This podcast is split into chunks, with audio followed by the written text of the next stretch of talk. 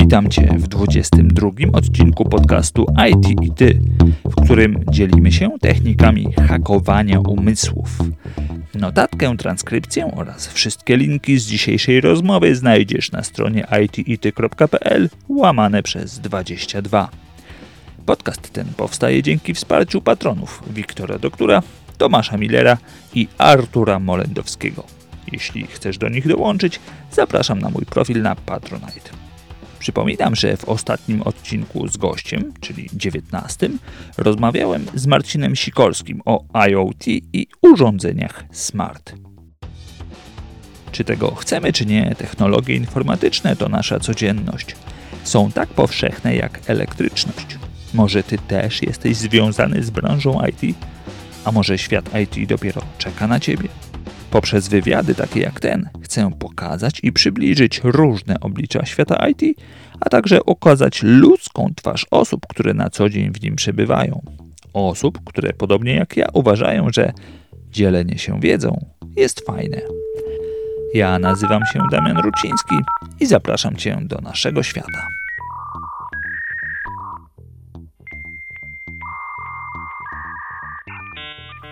Jak to z tym naszym umysłem jest? Jak funkcjonuje?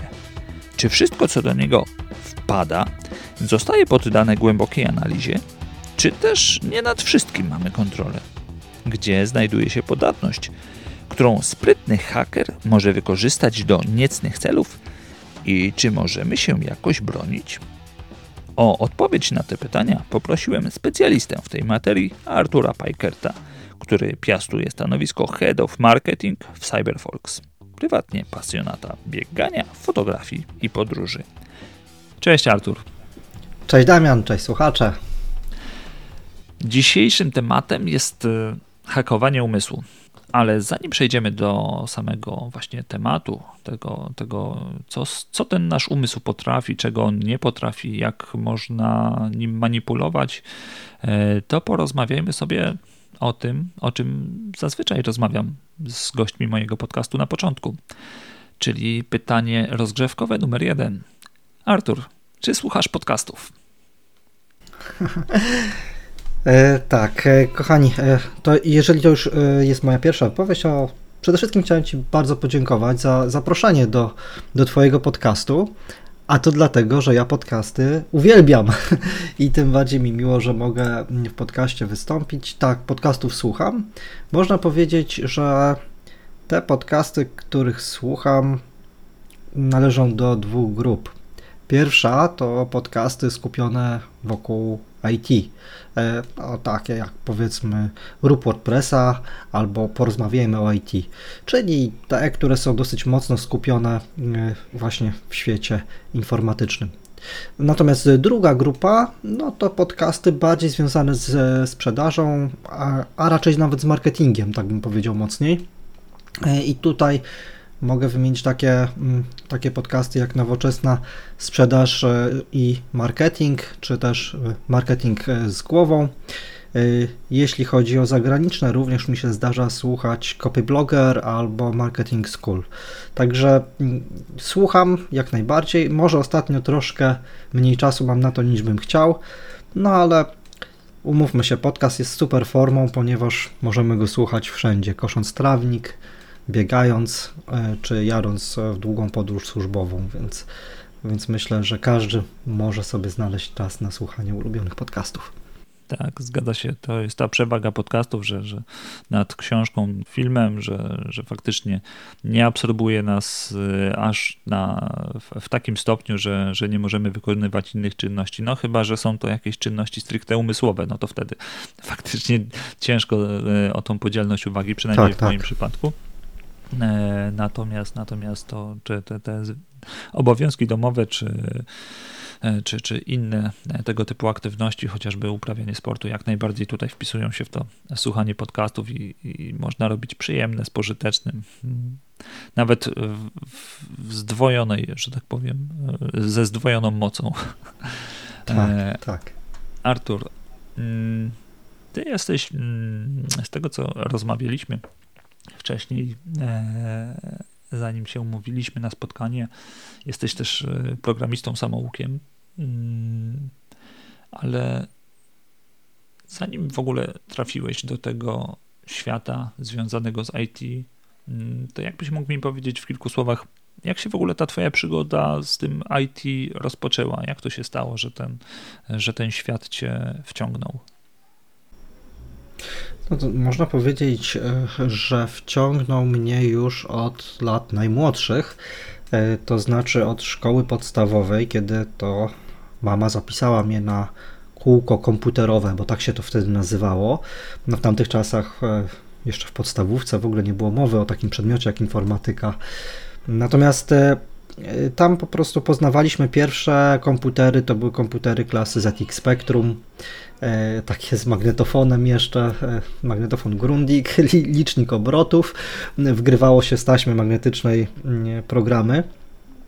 No i to było takie moje pierwsze spotkanie e, ze światem IT.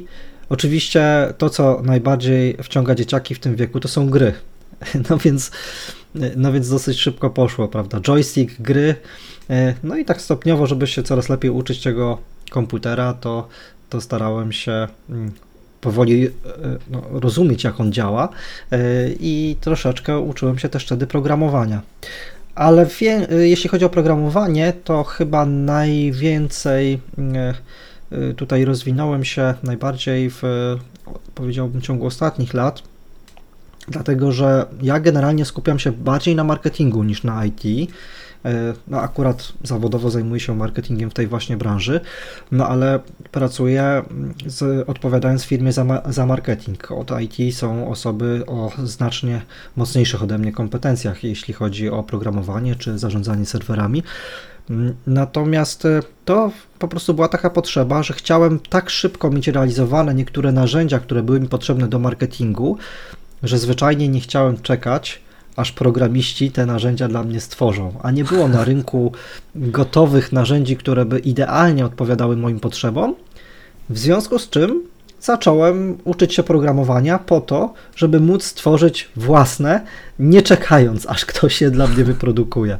Więc taka, e, taka była geneza.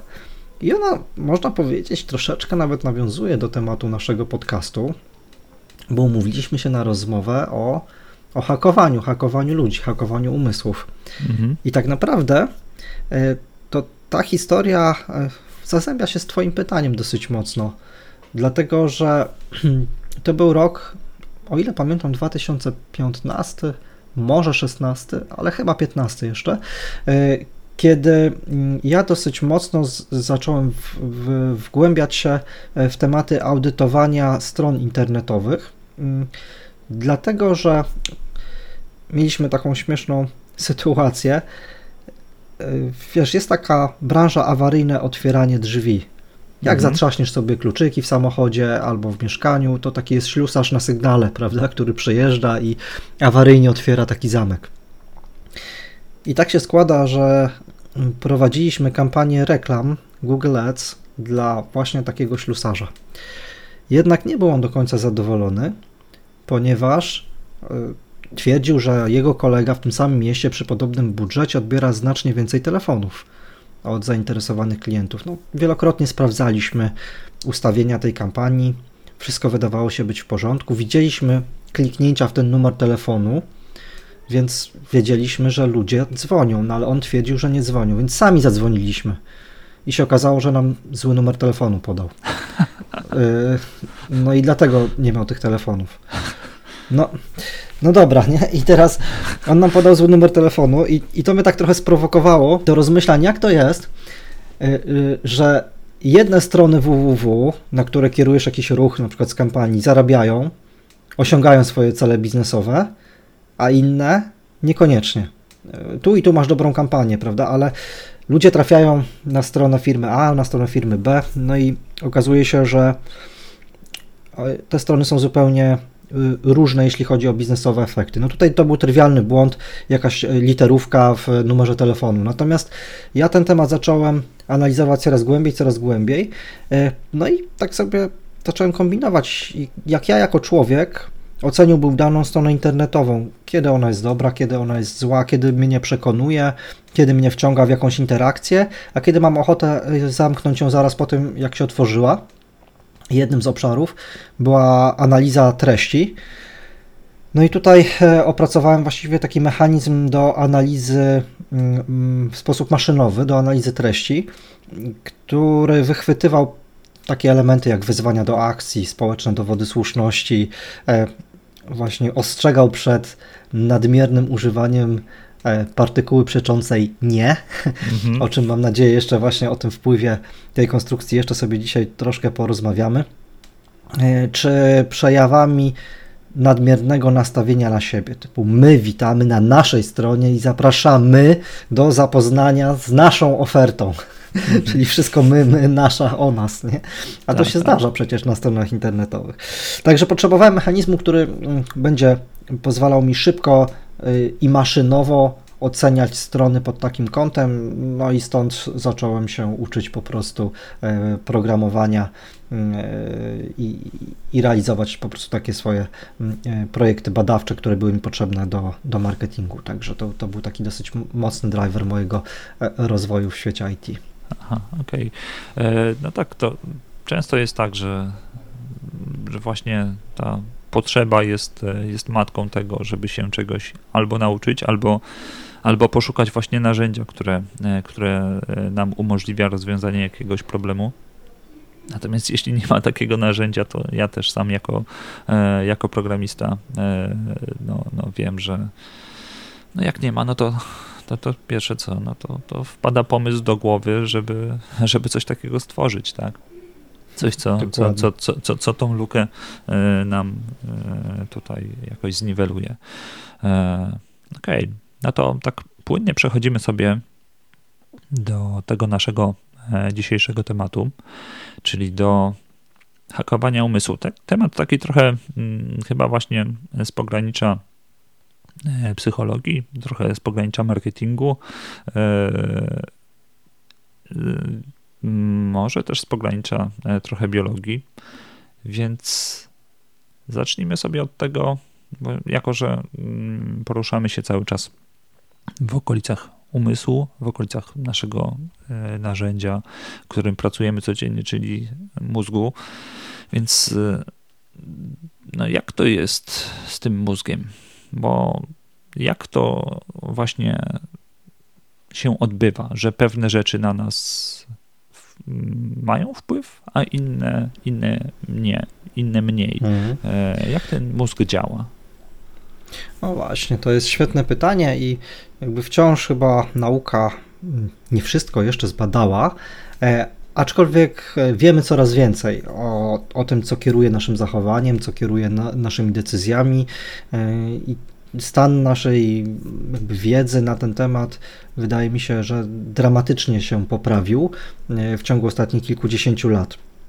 Teraz, e, jeżeli mówimy o hakowaniu umysłów, to chciałbym zapoznać mm, Was z taką koncepcją e, Paula McLeana, którą najłatwiej będzie mi zilustrować pewnym przykładem.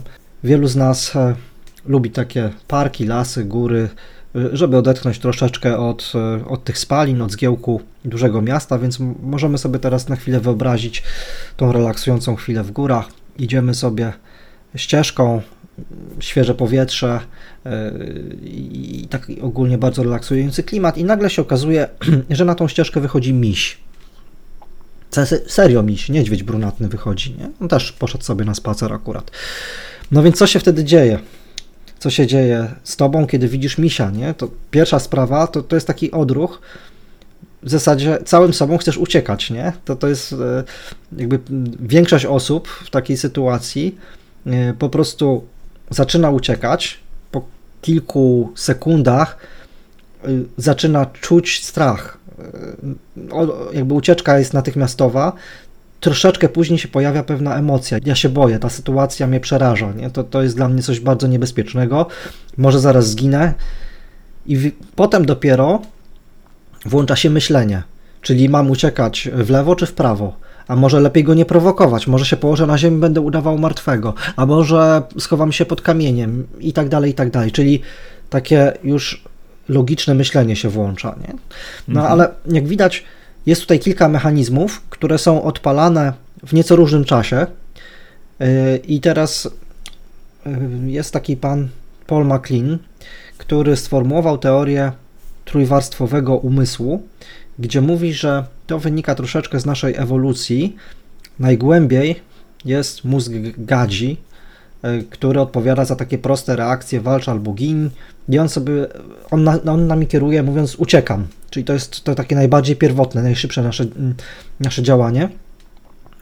Potem mamy mózg ssaczy, który jest odpowiedzialny za emocje, czyli boję się, to, to, to jest ten, ten lęk przed niedźwiedziem. No i wreszcie najbardziej świeża e, ewolucyjnie warstwa kory nowej myślę, czyli ta warstwa odpowiada właśnie za takie logiczne procesy i pełni uświadomione e, myślenie. No, ten model McLeana e, sformułowany już ładne kilkadziesiąt lat temu, dzisiaj jest, można powiedzieć, wiemy, że, że nie jest doskonały, o tak. Mhm. Dlatego, tak, że... Tak, wiesz co, jeszcze tak mhm. dopytam, bo ten, e, tak, ta pierwsza warstwa to jest gadzi, potem jest saczy i ta, ta trzecia to... E, koranowa, koranowa, koranowa. tak. Okay. Tak, mhm. odpowiada za racjonalne myślenie. No i mm, właśnie chodzi o to, że w tej teorii McLeana te nasze procesy były bardzo proste. Można powiedzieć, w pewnym stopniu to było dosyć deterministyczne, że, że zawsze to nasze zachowanie od tych głębszych warstw wychodzi stopniowo na zewnątrz.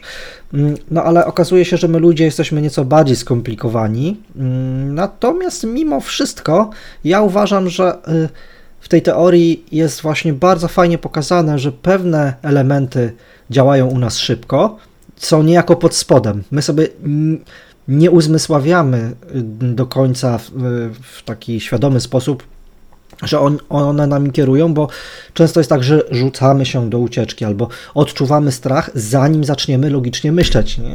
czy tam mhm. uciekać w lewo, czy w prawo. E, natomiast później prowadzono jeszcze wiele innych badań na temat tego, co kieruje naszymi zachowaniami. No i na dzisiaj to ja każdemu polecam, kto chciałby zgłębiać te tematy, te tematy pracę Daniela Kahnemana, ponieważ one są dostępne w języku polskim w dosyć słynnej publikacji Pułapki myślenia. Tu jest taki podtytuł o myśleniu szybkim i wolnym. No właśnie, i to o to chodzi trochę, że zdaniem Kahnemana są takie dwa systemy, które nami kierują. System jeden, który działa szybko, niejako pod spodem, niejako w tle. To odnosząc się do świata IT, to tak jakbyś miał jakiś proces w tle, na przykład Windows ma y, tam dziesiątki jakichś procesów, które działają w tle, one coś mhm. sobie robią, wpływają na, y, na to, jak działa komputer, ale nie uzmysławiasz sobie że to coś się dzieje, tak, prawda? Dokładnie, tak, dokładnie tak. Natomiast z drugiej strony Kahneman mówi o tak zwanym systemie 2, o tym umysł, umyśle świadomym. On działa wolniej.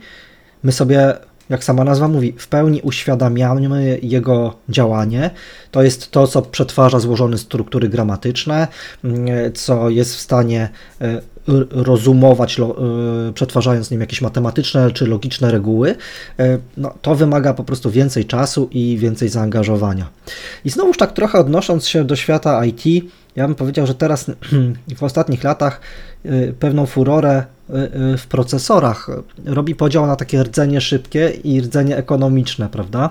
Mhm. To jest jakby coraz więcej producentów w ten sposób do tego podchodzi, żeby dzielić zadania na takie, które wymagają tej dużej mocy obliczeniowej i na takie, które można przerzucić na te wolniejsze ekonomiczne rdzenie i, i dzięki temu przetwarzać te zadania przy użyciu no, mniejszej ilości energii. I to tak trochę jest z nami podobnie, że pewne elementy naszego wnioskowania, pewne elementy tego, jak my podejmujemy decyzje, dzieją się właśnie w tle, tak jakby w tej ekonom- na tych rdzeniach ekonomicznych, w tej nieświadomej mm, e, e, warstwie e, naszego umysłu. No i dzięki temu możemy działać szybko. Gdybyśmy chcieli tak no, w pełni świadomie przetwarzać każde proste zadanie, no to działalibyśmy wyjątkowo nieefektywnie. Więc ten system drugi, jak to mówi Kahneman, no on jest zarezerwowany do zadań trudniejszych, e, gdzie świadomie chcemy się na czymś skupić.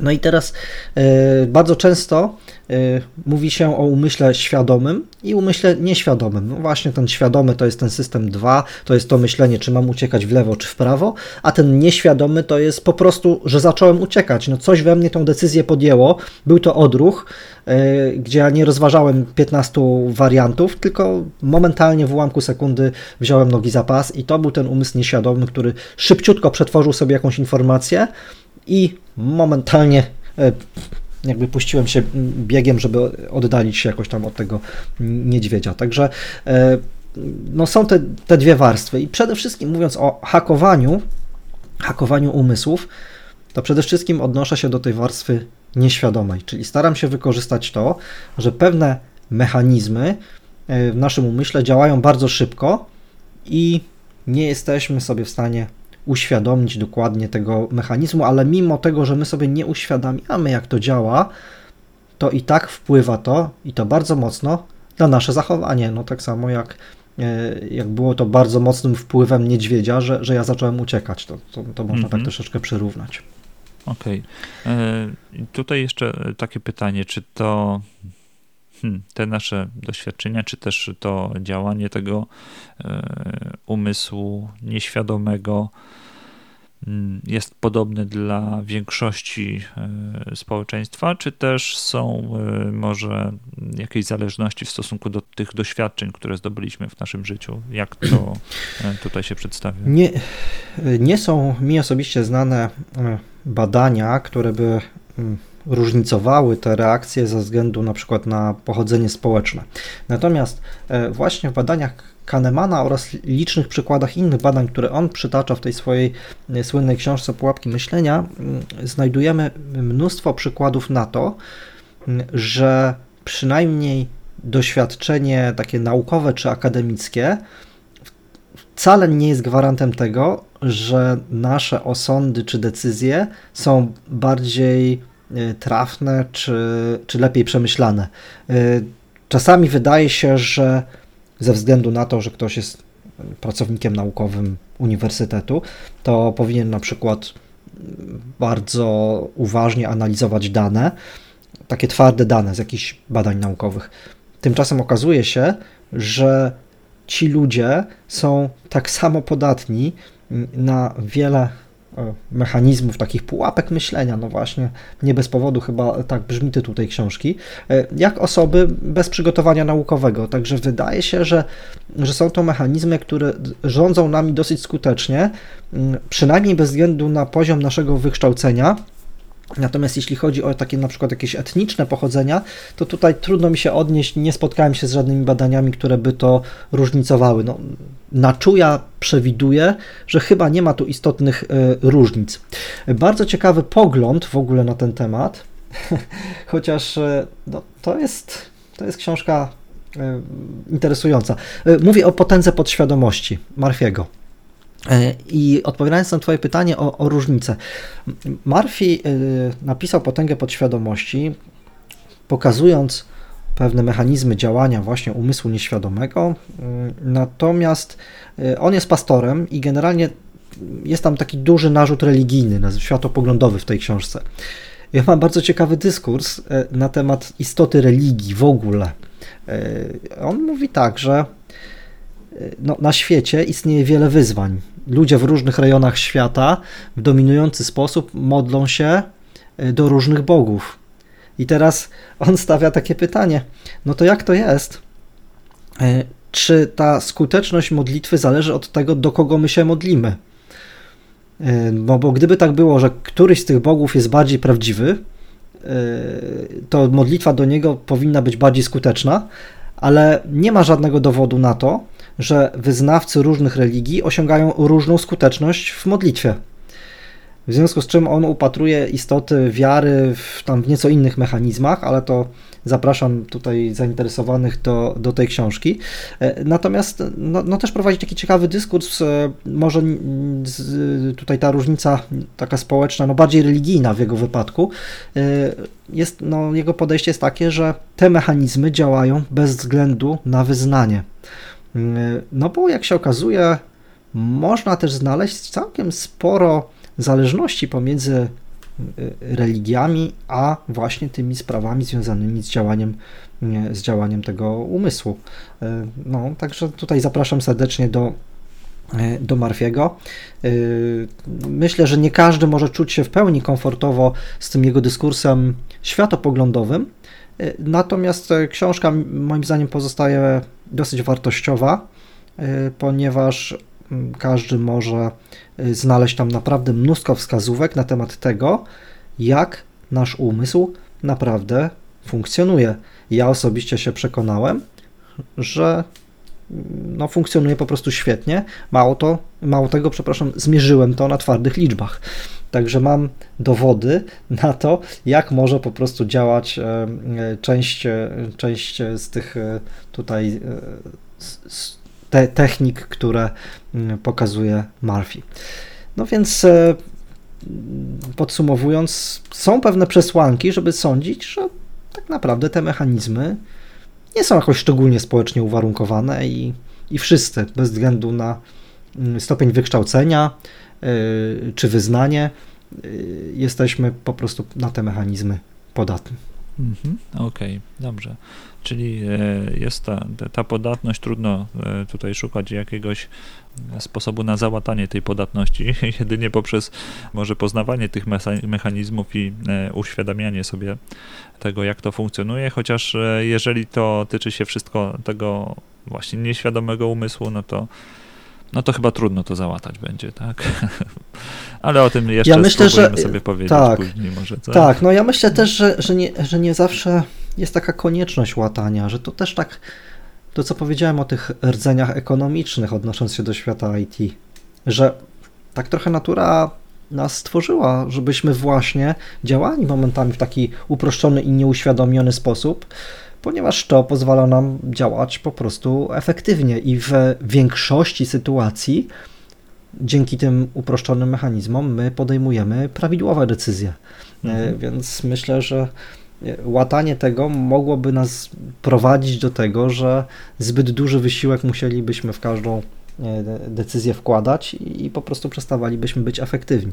No tak, można sobie teoretyzować e, i tak przeintelektualizować to, bazując na tym naszym świadomym umyśle, e, możemy za dużo tu przegadać, a, e, a pominąć te najważniejsze aspekty, czyli mm, mamy już jakąś tą teorię, wiemy, że ten nasz umysł jakoś tu funkcjonuje, tak, ale już pojawiło się tam jakieś mm, przykłady, które pojawiałeś, chociaż z partykułą nie. Czy oprócz, czy, czy możesz na, nam podać właśnie jakieś te słowa, wytrychy, które wyszukiwałeś w, w tym swoim algorytmie, który opracowałeś? Mhm. E, czym, go, czym go nakarmiłeś, żeby był skuteczny? Tak. Tak. E, no, no, część z tych słów rzeczywiście, yy, rzeczywiście sobie o tym zaraz powiemy. Yy, no, weźmy może to słowo nie na początek, skoro ono już wybrzmiało, to mhm. przyjrzyjmy mu się bliżej. Ja kiedyś uważałem, że każde słowo nie to taka cegła dorzucona do muru pomiędzy tobą i odbiorcą. Mm, no bo wydawało mi się, że e, w kontekście rozmowy handlowej, w kontekście działań marketingowych, mówienie nie równa się wdrukowywaniu temu odbiorcy, że jednak nie kupi od ciebie. Mhm. E, I tak przez jakiś czas w to wierzyłem. Natomiast e, kiedy zapoznawałem się z kolejnymi tutaj źródłami literaturowymi, docierało do mnie, że należy to słowo po prostu postrzegać instrumentalnie, że ono może być bardzo wygodne do tego, żeby odpowiednio wywierać wpływ na naszego odbiorcę. No i teraz Właśnie to słowo nie jest świetnym przykładem na to, jak szybko działa nasza nieświadoma warstwa umysłu. Hmm. Wszyscy, może nie wszyscy, no to trudno generalizować, ale wielu mhm. z nas zna ten przykład. Nie wyobrażaj sobie wielkiego różowego słonia unoszącego się w tej chwili pod sufitem. Mhm. No, i, no, i, no i właśnie. To jest tak, że żeby czemuś zaprzeczyć, to jest to zaprzeczenie to jest taki trochę skomplikowany, logiczny proces. No bo żeby czemukolwiek zaprzeczyć, to musisz mieć to coś, czemu zaprzeczasz. Czyli chociaż przez moment w umyśle musi się pojawić ten wielki różowy słoń, który się pod tym sufitem unosi. Więc kiedy mówisz, nie wyobrażaj sobie tego wielkiego różowego słonia, to nie ma cudów. No, po prostu każdy z nas jest na to podatny, że choćby przez moment w wyobraźni ten słoń mu się pojawia. Yy, dlatego, że mimo, że na początku jest ta partykuła przecząca nie, nie rób tego, to umysł nieświadomy i tak zdąży. On jest po prostu tak piekielnie szybki, momentalnie przetwarza wszystkie bodźce, zanim my sobie to y, przetworzymy dalszymi warstwami, y, że on się po prostu zdąży w naszym umyśle pojawić. Bardzo ciekawy przykład na moc tego słowa y, podaje też świętej pamięci już niestety Andrzej Batko. Andrzej Batko mówi w ten sposób, że no, mm, podaje przykład procesu sądowego, w Stanach Zjednoczonych, gdzie jest to troszeczkę inaczej niż u nas, to wszyscy chyba znamy z filmów, jest ława przysięgłych, która decyduje o winie bądź niewinności oskarżonego. No i tam właśnie y, jest y, sytuacja procesu o morderstwo, gdzie powołują świadka, profesora medycyny, no taki elegancki starszy pan, wchodzi na mównicę, gdzie jest zaprzysiężany, no i na początku prokurator, żeby zbudować autorytet świadka, prosi, żeby ten świadek powiedział coś o sobie, więc świadek mówi, że jest profesorem tam e, trzech uniwersytetów, autorem wielu publikacji z dziedziny e, medycyny sądowej i no i on jakby osobiście przeprowadzał autopsję i potwierdza tam tą wersję wydarzeń, o której się mówiło w procesie, że te dowody są takie obciążające tak dla, e, dla oskarżonego.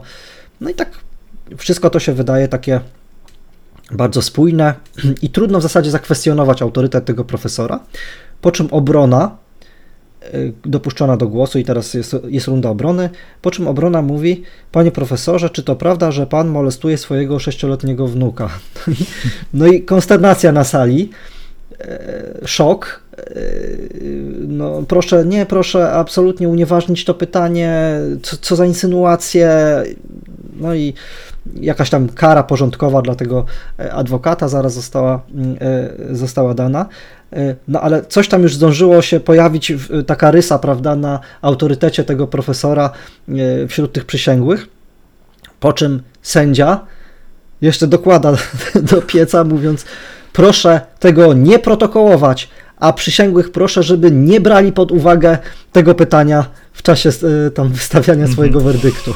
Także, także no w tym momencie tylko im utrwalił e, to wszystko, co, e, co się stało. No i tak to, tak to, troszeczkę, tak to troszeczkę działa, czyli no właśnie, nie myśl, nie zastanawiaj się, nie wyobrażaj sobie, nie fantazjuj o korzyściach, o zyskach, o jakości, o komforcie, i tak dalej, i tak dalej. Można sobie naprawdę tutaj bardzo fajnie popłynąć. Natomiast mówiąc o stronach internetowych i, i, cyfrowej komunikacji, chciałbym zwrócić uwagę na, na to, że wiele osób nadużywa tego słowa i kontekst użycia no, jest dokładnie odwrotny niż wynikałoby z intencji autora. Przykładowo, ten produkt wcale nie jest drogi. Jeśli piszesz o swoim produkcie w ten sposób, albo mm -hmm komunikujesz się z kimś e, w ten sposób, nie wiem, w mediach społecznościowych na przykład, ktoś napisał na Messengerze do ciebie, e, a ty pracujesz w obsłudze sklepu internetowego i ktoś e, taką obiekcję cenową stosuje, a ty mówisz, ten produkt wcale nie jest drogi. No to to, że on jest jednak drogi, tak, chociaż to... przez chwilę pojawia się w tym umyśle. Oczywiście. Więc o wiele lepiej jest powiedzieć, to produkt w bardzo atrakcyjnej cenie okay? albo nie mamy dużo reklamacji. No i, no i od razu się zaczyna gonitwa myśli, to co to znaczy dużo reklamacji, że nie mają dużo, no ile mają, mhm. nie? I już umysł skupia się na tych reklamacjach. Ale możesz powiedzieć, to bardzo niezawodny produkt. I już brzmi inaczej. No, zdecydowanie. To auto nie pali, prawda?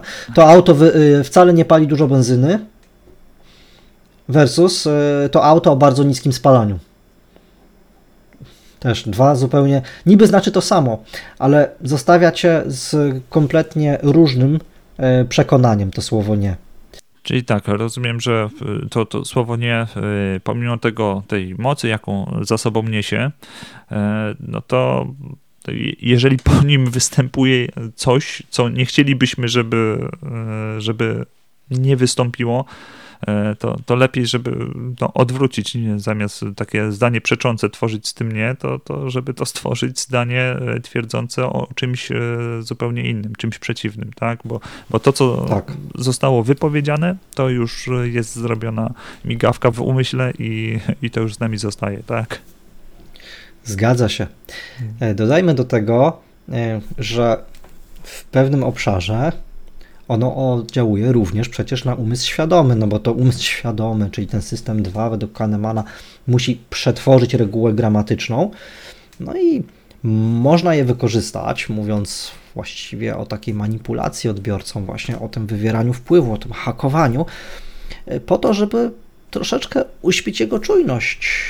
Na przykład, gdybym powiedział, możesz w tym momencie zrezygnować ze słuchania tego podcastu, ale nie myśl już wtedy o tych wszystkich, którzy zostaną do końca odcinka i poznają najpotężniejsze i najbardziej skuteczne techniki wywierania wpływu. Promocja kończy się w piątek. Tak. Promocja kończy się w piątek, ale spróbuj nie spieszyć się z podejmowaniem decyzji. Więc e, możemy używać tego słowa no po prostu instrumentalnie, więc e, mój apel dla Was wszystkich, e, zwracajcie uwagę na to, w jaki sposób używacie słowa nie. E, szukajcie tych wszystkich szans zamiany języka na pozytywny, wtedy kiedy chcecie podkreślić pozytywne cechy waszej oferty, waszych produktów. No i pamiętajcie, że możemy właśnie w ten sposób troszeczkę usypiać czujność troszeczkę na zasadzie pewnej przekory sprawiać, że jakby ludzie będą bardziej nastawieni na to, co jednak jest po tym słowie nie, tak jak mówiłem o promocji, albo o tym, żeby e, już e, przestać słuchać podcastów, tak? Mm-hmm. Także można, można w ten sposób się jak najbardziej tym, e, tym słowem pobawić. Ale nie jest to jedyne słowo, właśnie, o którym chciałem dzisiaj z Wami porozmawiać. No czy, czy, czy przez przypadek, do... czy, czy, czy, przez przypadek użyłeś słowa ale tutaj? czy jest no właśnie, to jak najbardziej no zamierzony cel? Jest to, jest to zamierzone użycie słowa ale kilka lat temu się e, spotkałem z tym, e, a to, to właśnie w kontekście jakiegoś e, rozmawiania z dziećmi, tak, te, te, tego jak z nimi rozmawiać, że w tej naszej wypowiedzi, jeżeli coś do kogoś komunikujemy, to wszystko to, co w tym naszym złożonym zdaniu jest przed słowem ale, można powiedzieć, że nie istnieje, tak? Więc tutaj e, ten wątek, e, z tego co rozumiem, nie dotyczy tylko i wyłącznie komunikacji e, takiej werbalnej z, z ludźmi, ale, ale, ale właśnie świadomie użyty bądź nieświadomie może przynieść jakiś efekt pozytywny bądź, bądź negatywny, tak? No, tak, to, tak, tak to jest. To jest bardzo silny mechanizm, który działa i w odniesieniu do języka pisanego i mówionego. E, I rzeczywiście, e, nawet w popularnym serialu Gra o Tron była taka scena, e, w której jest rozmowa dwójki bohaterów. Jedna osoba mówi, znaczy konkretnie może Sansa, to, to mogę powiedzieć, mhm. E, mówi do, do Snowa, mówi, e, oni cię bardzo szanują, ale, na co on parsknął śmiechem i mówi, pamiętasz co ojciec mówił o ale, tak, e, że wszystko przed ale to końskie łajno, tak, mhm. więc to sezon siódmy. Zapraszam serdecznie. Jak ktoś nie oglądał, jest, jest tam właśnie ciekawie zaprezentowane e, to podejście, ale rzeczywiście, no, no, no, no tak, to, tak, tak to działa. E, czyli gdybym powiedział, bardzo mi miło, że zaprosiłeś mnie do tego podcastu, Damian, ale I w tym momencie już, prawda, zastanawiamy się tylko, już w ogóle, już w ogóle nie ma znaczenia, że jest mi miło, że było jakieś zaproszenie, bo wszyscy myślimy już tylko o tym, co mogłoby wybrzmieć dalej. I wszyscy skupiamy naszą uwagę na tej kolejnej części zdania. Ale dlaczego tak późno? na przykład. E, tak, to jest ta, ta najbardziej chodzi... optymistyczna wersja, tak? tak. E, jeśli chodzi o, o, to, o tę konstrukcję, to warto pamiętać, że ale jest kasownikiem. E, po prostu kasuje, e, tak już teraz mówiąc wprost, kasuje to, co było wcześniej. Czyli kiedy mówię, to znakomita, ale droga restauracja, to z dużym prawdopodobieństwem Twoje postrzeganie skupi się na cenach, na tym, że tu jest po prostu drogo, a marginalizujesz to, że dobrze tu karmią. Wystarczy jednak odwrócić kolejność. To droga, ale znakomita restauracja zostawia nas w przekonaniu, że to jest e, świetnej jakości jedzenie i gdyby tylko nas było stać, to byśmy chętnie skorzystali z tej restauracji. Mm. Wokół tyle pięknych kobiet, ale bardzo Cię kocham, versus bardzo Cię kocham, ale wokół tyle pięknych kobiet. Dwa całkowicie. Tak, tak. E, no i teraz, czyli widzimy już, że słowo ale mm, kasuje. No i stąd uważajmy. Uważajmy na takie sformułowanie jak tak, ale. Ma pan rację, ale. To świetnie Szymon Negacz w swoim podcaście Nowoczesna Sprzedaż i Marketing opowiadał o zwrotach zakazanych sprzedaży.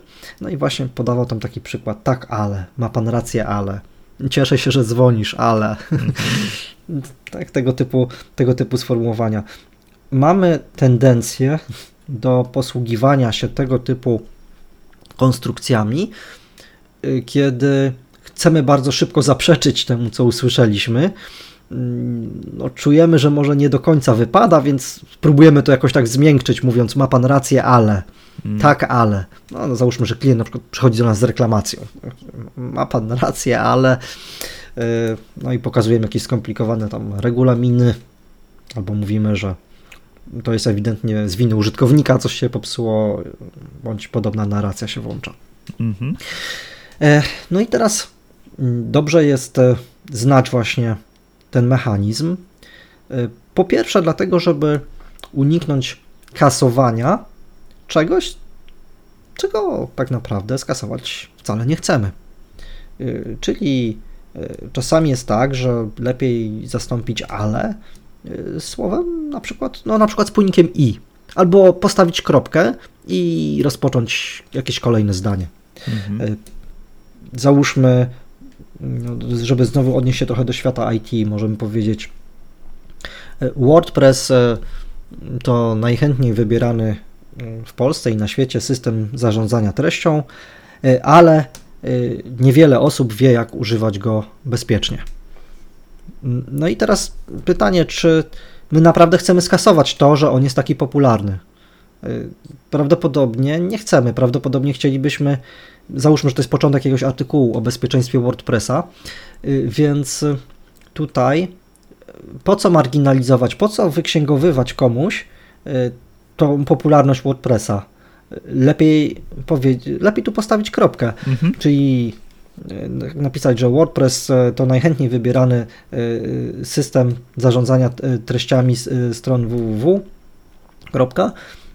Wiele osób wciąż nie umie używać go bezpiecznie, na przykład. Albo, albo tym, ważniejszym jest, tym ważniejsze jest, żebyśmy wszyscy używali go bezpiecznie. Tak, można to na, na wiele sposobów mm, powiedzieć, a czasami używamy tej konstrukcji marginalizując coś, co w gruncie rzeczy powinno wybrzmieć w pełni, czego tak naprawdę marginalizować nie chcemy.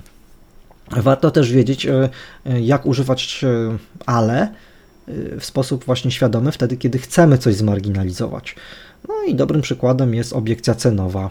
Hmm, ktoś zwraca się do ciebie mówiąc, to dobry masz produkt, ale y, konkurent ma niższą cenę. No bo większość z nas, kiedy prowadzi biznes albo zajmuje się sprzedażą, y, prędzej czy później spotyka się z obiekcjami cenowymi. No i one są bardzo powszechne. No i jak, jak na to zareagować? Czy, czy tutaj to słowo ale może nam się do tego przydać? Możesz powiedzieć, że wśród innych firm mogą się zdarzyć tańsze oferty, ale konkurenci zazwyczaj oferują kiepskie usługi i słabą obsługę klienta. No i teraz co się dzieje e, w takim, mm, takim mechanizmie? Z jednej strony trochę usypiamy tą czujność umysłu świadomego, czy tam systemu drugiego e, w rozbudowany tam sposób, przyznając rację. Wśród tak, to prawda, wśród innych firm się mogą zdarzyć tańsze oferty. No i teraz, ale. I teraz to ale to jest coś, co serwujemy właśnie naszemu umysłowi nieświadomemu. Zazwyczaj konkurenci oferują kiepskie usługi i słabą obsługę, i w zasadzie, w zasadzie to zostaje takie przeświadczenie, że konkurencja jest słaba, mm, natomiast e, marginalizujemy to, to skupienie na, na cenie. Tym niemniej ten sposób jest e, nieelegancki, no bo jak to mówią o konkurencji albo dobrze, albo wcale. No i gdybyśmy tak zbudowali naszą narrację, to odbiorca odbiorca pozostałby w kręgu myślenia o konkurencji. Mógłby się zacząć zastanawiać, jak bardzo mhm. słaba jest ta obsługa, jakie są kiepskie te usługi u konkurenta. A przecież, e, żeby kupił coś od nas, no to on ma zacząć myśleć o nas, a nie o konkurencie. To nie chodzi o to, że konkurent jest słaby, tylko chodzi o to, że my jesteśmy najlepszym wyborem, prawda? To tak powinno działać. W związku z czym możemy użyć tego słowa inaczej, tak żeby przenieść uwagę na te elementy naszej oferty, które są no, tutaj mocniejszą naszą stroną. Czyli na obiekcję cenową możemy zareagować mówiąc, tak, to prawda, wśród innych firm mogą się zdarzyć tańsze oferty, ale skoro rozmawiamy już o sprawdzonych rozwiązaniach z atestami, które mają Ci przynieść realne korzyści, to spójrzmy razem w promocyjną ofertę i sprawdźmy, który wariant będzie najlepszy w Twoim wypadku. No i w tym momencie uwaga już całkowicie przechodzi na atesty, na realne korzyści, na sprawdzenie promocyjnej oferty i wybieranie tego, co jest najlepsze. A jak bardzo się w tej komunikacji marginalizuje ta, ta sprawa cenowa. Także można, można. E, więc e, moja rada jest taka. E, pamiętajmy, że ale kasuje wszystko, nawet jeśli nie ma związku merytorycznego. No bo w pierwszej części zdania odnosiliśmy się do cen, a w drugiej części zdania mówimy o atestach, w drugiej części zdania mówimy o realnych korzyściach, mm, o tym, co będzie najlepsze w Twoim wypadku, o wszystkim, tylko nie o cenach.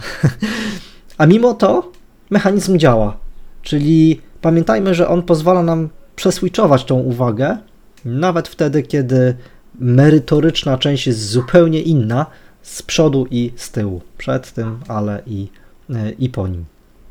E, no i cóż, fajnie to, tak płynnie przechodząc do kolejnej techniki, fajnie to działa, kiedy jeszcze użyję, nauczymy się używać o słowa spróbuj. Bo to jest taki kolejny interesujący wytrych do naszego umysłu. Mhm. Spróbuj mnie zachęcić, żebym pozostał przy tym podcaście i słuchał dalej. Tak? A no właśnie. No właśnie, jak używać tego słowa? Tutaj słowo spróbuj zostało poniekąd spopularyzowane e, Gwiezdnymi Wojnami. I wydaje mi się, że w świecie IT e, to, to, to jest coś ciekawego, że w świecie IT wiele osób kojarzy tą sagę Gwiezdne Wojny, ale ja tutaj, e, ale chciałem, mhm. chciałem zwrócić Waszą uwagę na te Gwiezdne Wojny z lat 80., czyli ten, ten, ten początek sagi. I tam w filmie Imperium kontratakuje była scena, gdzie Luke Skywalker na bagnistej planecie stracił swój e, statek kosmiczny, który zapadł się w bagnie i przy pomocy telekinetycznej mocy Jedi e, no właśnie próbował wydobyć ten statek. Mm, no i mistrz Yoda tłumaczy mu wtedy robisz albo nie robisz. No, nie ma próbowania. No, to, no i faktycznie, no, Skywalker tylko próbował wydobyć statek i kiedy on tylko próbował, to niestety to się nie udawało. No bo spróbuj to, y, to możliwość porażki. Y, czyli kiedy mówisz komuś spróbuj, to trochę wdrukowujesz odbiorcę temu komunikatu wiarę w to, że to się może nie udać. bo to jest tylko próba. Nie ma tu zobowiązania do osiągnięcia sukcesu.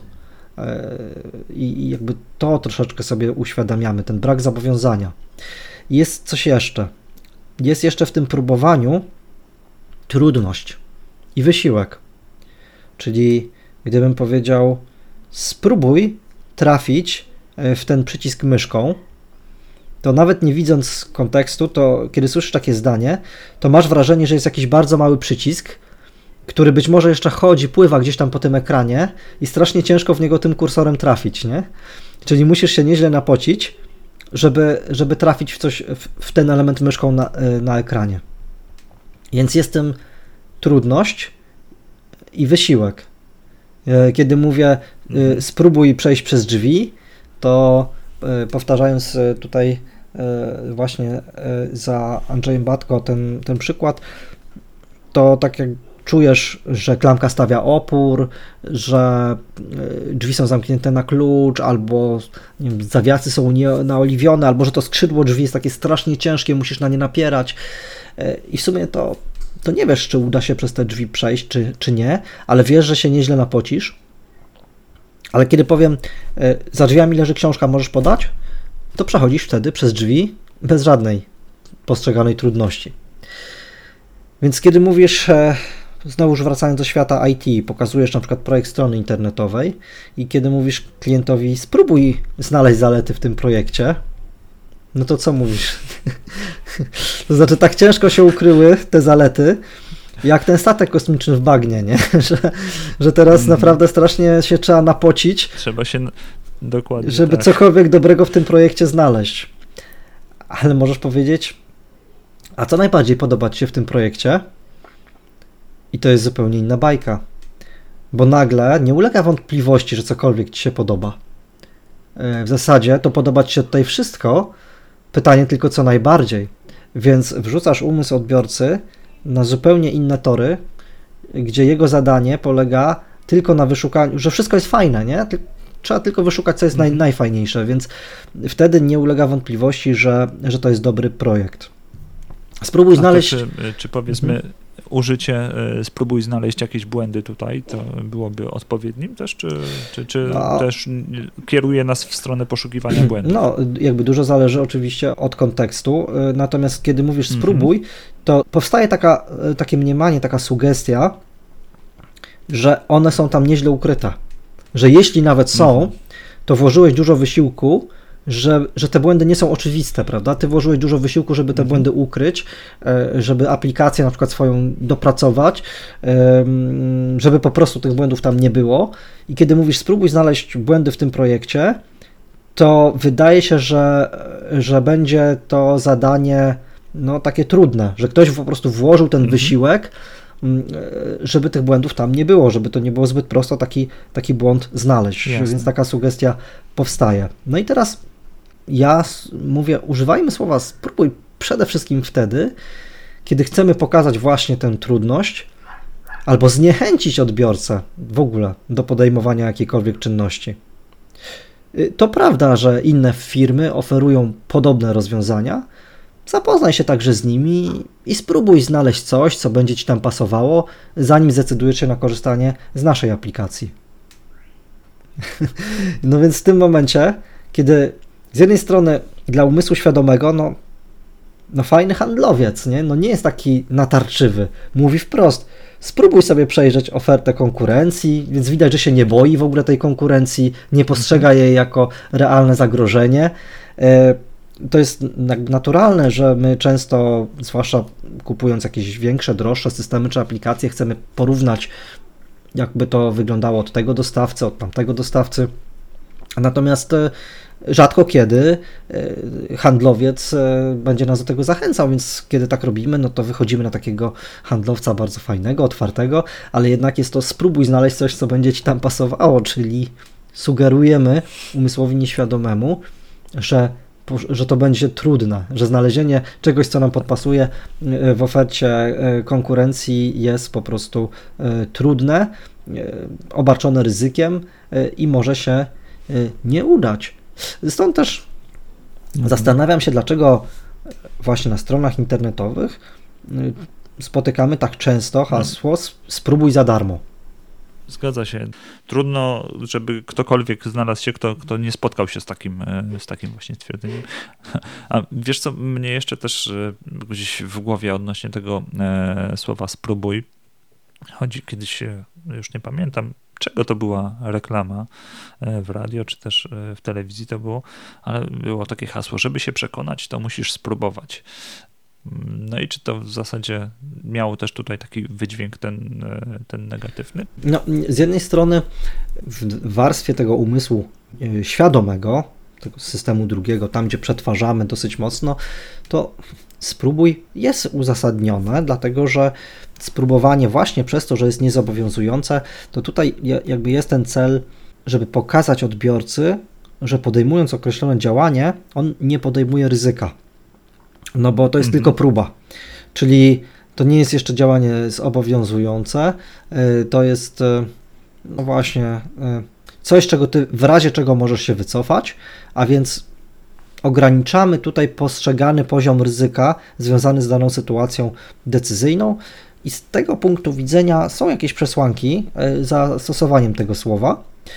Natomiast bardzo często możemy uzyskać zbliżony efekt zachęcenia kogoś do wykonania określonej czynności bez tego narzutu negatywnego związanego ze słowem spróbuj, mhm. Na przykład uruchom bezpłatnie. Mhm. No bo wtedy już to, to, już, to no już tak, nie jest bo, próba, bo dokładnie, że, nie? no bo to, no, wiesz, spróbuj. Znaczy ja, ja podejrzewam, że, że to, wiesz, to jest takie, e, e, niektórzy to stosując, e, stosują chcąc być takim, sto, jako takie nienachalny call to action, tak? tak? No ja wiem, tak, Zamiast tak, właśnie. włącz, tak, no to, to spróbuj, to będę taki delikatny i fajny, a tu efekt się okazuje jest niewspółmierny z tym, co chcemy tak, uzyskać. Tak, tak, no właśnie, może taki być, więc ja głównie rekomenduję używanie słowa spróbuj w odniesieniu do y, konkurencji albo do takich działań, które mhm. no, chcemy raczej kogoś zniechęcić. No, czyli spróbuj sobie produktu konkurencyjnego i przekonaj się, z czego dokładnie wynika, wynika jego niższa cena.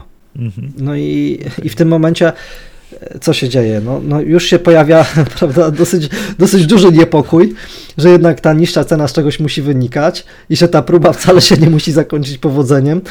No i z jednej strony, prawda, dla umysłu świadomego jest to komunikat dosyć zachęcający, no bo ja jako osoba sprzedająca coś mówię, gdzie indziej jest taniej i, jeszcze cię zachęcam, spróbuj. Ale wykorzystując właśnie te mechanizmy, no robię to w taki sposób, że, że de facto e, dosyć mocno się ktoś musi teraz zastanowić, czy, czy na pewno tę próbę e, chce, chce podjąć. E, mhm. Także no, to, to, to, to, jest, to jest dosyć interesujący, mm, dosyć interesujący mechanizm. No dobrze, ale tych mechanizmów mamy jeszcze kilka, także przejdźmy do, do kolejnych. O, co tam, co, co jeszcze e, trzymasz e, w swoim e, marketingowym rękawie? Jest, jest słowo problem. Jest słowo problem. No, mm, moim zdaniem. No to, to, to, słowo tak. wydaje się być e, takie mm, nacechowane negatywnie też, e, no, też tutaj tak, tak, tak. Rzucę, tak. tak, no mhm.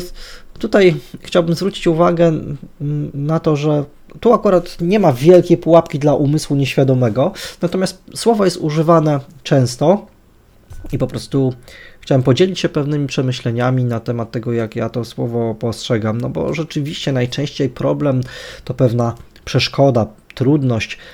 Nie ma w tym pojęciu takiego ukierunkowania na, na działania zmierzające do usunięcia tej trudności. To jest e, taka koncentracja na tym, że coś niekorzystnego się stało, że, że istnieje jakaś przeszkoda. Jednak w słowie problem sam w sobie no, nie ma tej energii do działania. I teraz z jednej strony możemy sami siebie tym programować, kiedy, kiedy mówimy, że mam problem, mam problem z tym klientem, mam problem e, z tą aplikacją, mam problem z działaniem tego API i tak dalej, i tak dalej. Czyli kiedy w odniesieniu do tego, kim ja jestem albo co ja robię, używam tego słowa problem, to trochę podkreślam tutaj rolę tej przeszkody, tej trudności, ale nie ma w tym takiego nakierunkowania na to, żeby coś, e, coś zrobić w tej sprawie. No i dlatego, kiedy mówię o sobie, mm, o swoim produkcie, swojej ofercie, aplikacji i tak dalej, to moim zdaniem lepiej jest używać innych słów. No i teraz czym można zastąpić w związku z tym słowo problem? Można e, zastąpić słowem sytuacja. Czyli e, zamiast mam problem z klientem, mam taką sytuację z klientem. To już mhm. brzmi zupełnie inaczej, bo, problem, bo żeby pokonać jakiś problem, e, no to najczęściej wyobrażamy sobie, że trzeba włożyć w to dużo wysiłku. Ale sytuacja Sytuacja wydaje się Sytuacje czymś. są do rozwiązania. Są do rozwiązania, prawda? Są czymś rutynowym, szybciutko sobie z tym poradzimy i idziemy dalej. Więc kiedy mówimy, że jest taka czy inna sytuacja, no to sami sobie troszeczkę e, zmniejszamy po prostu wagę tej trudności i jednocześnie troszeczkę bardziej się ośmielamy do tego, żeby mm, z tą sytuacją sobie poradzić. No i teraz e, dobry przykład e, a propos świata IT, bo tutaj z firmy Google mm, dostałem kiedyś zgłaszając problem z działaniem interfejsu reklamowego, mm, dostałem informację od pracownika firmy Google mailową, która kończyła się słowami: Mam nadzieję, że nie będzie więcej problemów z reklamami. No i to od razu to, to, użycie słowa problem w tym kontekście od razu mnie zakotwicza, że ten ekosystem reklamowy to są jakieś problemy. Więc mhm.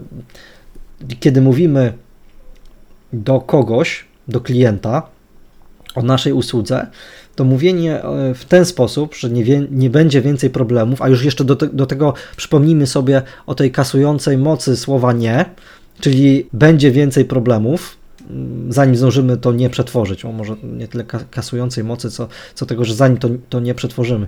Tak, czyli będzie więcej problemów z reklamami i, i takie coś mi w głowie zostanie. Więc można wtedy trochę to sparafrazować i lepiej powiedzieć, jestem przekonany, że dalsza praca z systemem będzie w pełni satysfakcjonująca. Hmm. I zostawiamy odbiorcę z zupełnie innym wrażeniem, niż kiedy mówimy, że mam nadzieję, że nie będzie więcej problemów. Tak, temat jest załatwiony i e, jeszcze klient jest pogłaskany na koniec. Dokładnie. E, inne e, tutaj sposoby to sprawa do załatwienia. Czyli zamiast mówić problem, mówimy sprawa do załatwienia. Wtedy nadajemy bardzo dużo takiej energii, żeby się zmierzyć e, prawda, z tą trudnością, żeby ją pokonać. Czyli e, zamiast mam problem z klientem, możemy powiedzieć, mam sprawę do załatwienia z klientem. No i wreszcie mhm. E, wiele osób używa słowa wyzwanie. To też jest fajne, bo wyzwanie to, to jest coś, co podejmujemy, chcemy się z czymś zmierzyć i w tym słowie wyzwanie jest dużo takiej pozytywnej energii. To mi się bardzo podoba. No, oczywiście nie można przesadzać. Trzeba używać tego słowa wyzwanie wtedy, kiedy coś faktycznie stanowi wyzwaniem, no bo jeżeli będziemy używać tego do każdej codziennej sytuacji i takich drobnych problemów, no to troszeczkę to, e, to troszeczkę to straci na e, znaczeniu. No i e, jeszcze Oczywiście. się spotkałem tutaj ze słowem niedogodności i to też ciekawe.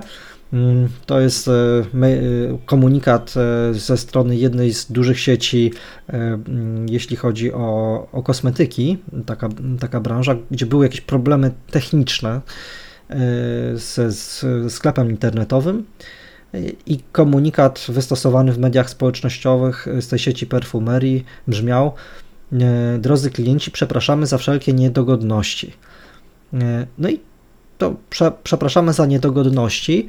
E, to też jest ok, moim zdaniem, bo z jednej strony pokazuje, że firma zdaje sobie sprawę, że coś poszło nie tak, z drugiej natomiast strony no, nie używa tego e, nadmiernego słowa problem. Niedogodność jest jednak czymś takim drobniejszym, bardziej chwilowym, prawda, się tak wydaje, a problem to jest coś cięższego, w domyśle może być nawet bardziej trwałego, także bardzo sprytnie tutaj e, uważam perfumeria wybrnęła z sytuacji.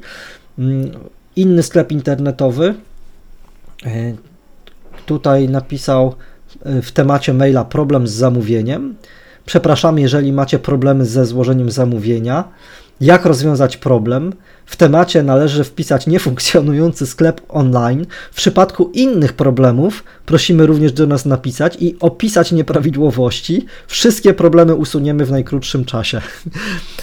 Więc. No to tam jest same problemy. Tam sa, same problemy, więc to jest straszna komunikacja, yy, która, yy, która właśnie skupia się, no, no, bardzo eksponuje te problemy, więc. Yy, trudno mi jakkolwiek polecić taki styl komunikacji. No, chyba, że naszym celem jest zniechęcenie klientów. Mm, no to, no to faktycznie tutaj w co drugim zdaniu jest słowo problem, problem w temacie maila. E, jeszcze zachęcają, żeby klienci pisali niefunkcjonujący sklep online, więc wyobraźmy sobie tego klienta, który ma napisać maila, wpisując w temacie niefunkcjonujący sklep online. Sam fakt pisania czegoś, jak bardzo nas utwierdza e, w przekonaniu, jak bardzo się my sami utwierdzamy w przekonaniu, że ten sklep nie funkcjonuje, prawda? Bo, bo sami to musimy napisać. Mhm. To, to, to, no, to jest jakiś koszmar. Jeszcze w przypadku innych problemów i w przypadku innych problemów, czyli jeszcze sugerują, że mało tego, że sklep nie działa, to jakieś inne problemy mogą występować. Mhm. A to, jednak to, to, to dobrze tak. rokuje. No. No, no. właśnie. I to jest, no, no to jest po prostu samo życie. E, coś takiego, coś takiego znalazłem e, w internecie. No, tak po prostu, tak po prostu się dzieje, kiedy nie w pełni świadomie używamy niektórych słów. Natomiast słowa problem, ono jest mhm. takie niby nieszkodliwe i często jest tak, że e, że go używamy. No, w przypadku, czyli wsparcie klienta właśnie łatwo można napisać. W przypadku jakichkolwiek innych problemów proszę się do nas zwrócić, chętnie pomożemy. No, intencja jest słuszna, ale kiedy używamy tego słowa problem w takim kontekście, no to trochę strzelamy sobie y, w kolano. Natomiast y, mhm. handlowcy lubią mówić o problemach, tylko nie w kontekście mojej usługi, czy, czy, czy mojego produktu, tylko w kontekście tego, co się dzieje po stronie klienta. Problemy, które mogą być rozwiązane przy użyciu mojego e, tutaj dobra, który ja, e, mhm. które ja oferuję, które chcę sprzedać. No i Czyli, czyli tak. nasze dobro jest panaceum na problemy klienta. Na tak. tak. dokładnie. Na twoje problemy, no i w, i w takim kontekście używanie, czy ma pan problem, nie wiem, e, z wysyłką maili, no tak, zdarza się, że nie dochodzą do odbiorcy, i w tym momencie, kiedy my oferujemy usługę, na przykład SMTP w chmurze, mm, no to to, to jest jakby prawidłowe postępowanie i, i tutaj można jak najbardziej temu przyklasnąć, żeby y, waga tej trudności została niejako podkreślona tym, mm, tym słowem problem. Mhm. Y, no i cóż, y, porozmawiajmy może jeszcze o takim słowie dosyć kontrowersyjnym, mm, mniej związanym z IT jako takim, ale często spotykanym na firmowych blogach e, czy, czy, czy we wpisach e, w mediach społecznościowych. E, porozmawiajmy o zdradzaniu. Bo tutaj e, w kontekście tego, e, tego słowa ja pamiętam kiedyś, nawet e, podzieliłeś się tym chyba na, na LinkedInie, jakiś mhm. taki wpis robiłeś i tam taka dosyć ciekawa dyskusja na temat tego słowa się wywiązała, bo to były zdania właśnie podzielone tutaj odnośnie... No właśnie, dlatego to jest ciekawe, bo zdania są podzielone. No więc o co chodzi z tym zdradzaniem? Dyskusja się zaczęła od tego, że zobaczyłem content, już teraz tylko nie potrafię sobie przypomnieć, czy to był artykuł, czy raczej wideo, e, natomiast ważny był tytuł, zdradzamy tam pięć sposobów na coś tam, coś tam. Mhm. No i to jest e, konstrukcja, z którą możemy się spotkać często. E, zdradzamy tajniki wiem, zabezpieczenia WordPress, zdradzamy najlepsze sposoby wiem, na przyspieszenie komputera i tak więc mhm. E, często spotykamy się z taką konstrukcją. Ja natomiast. Tak. E, ktoś tu w ogóle nieświadom jakiegoś tutaj negatywnych konotacji tego, tego słowa zdrada, tak? Bo, bo no właśnie, no właśnie, no właśnie, no właśnie, prawda? A, mhm. a tymczasem, a tymczasem, no jednak jest to pojęcie zdrady, które też jest nas tak już no, historycznie ugruntowane. Zdrada w życiu prywatnym, zdrada w polityce, zdrada w biznesie. przykłady słynnych zdrajców, tak? Morderstwo Juliusza Cezara, mhm. który konając zwraca się do Brutusa i ty Brutusie przeciwko mnie. No i zdrajca Brutus zresztą też wkrótce później ginie. Zdrada, tak trochę nawiązując też do tych religijnych aspektów, zdrada Judasza, tak, który, który zdradza Chrystusa i to też mm, no, bardzo pejoratywnie jest jednak określany, prawda? To jest postać, mhm. którą trudno darzyć sympatią w związku z tą zdradą. Więc można powiedzieć, że e, historia bardzo nam pokazuje tych zdrajców jako, jako osoby, no, o których trudno cokolwiek pozytywnego powiedzieć, a mimo to my w treściach zdradzamy. No i teraz można powiedzieć, zdradzamy no zdrajcy, bo oni zdradzili kogoś, a my zdradzamy jakąś tajemnicę, jakąś wiedzę. E, więc to my nie jesteśmy Judaszem, my nie jesteśmy Brutusem. E, bo my zdradzamy sposoby jakieś nie wiem, na zabezpieczenie komputera, na szybsze działanie aplikacji itd., e, itd. Tak tak Jednak e, kiedy mówimy o tym zdradzaniu, to wciąż właśnie dla tego umysłu nieświadomego, który działa szybko, no jest, ta, jest uważam to ryzyko odpalenia tych takich negatywnych skojarzeń ze zdradzaniem, bo jednak skoro zdradzamy tajemnicę jakąś, to znaczy, że ktoś tę tajemnicę nam powierzył że teoretycznie powinniśmy stać na straży tej tajemnicy, a jednak ją zdradzamy. Czyli robimy coś nie do końca moralnego.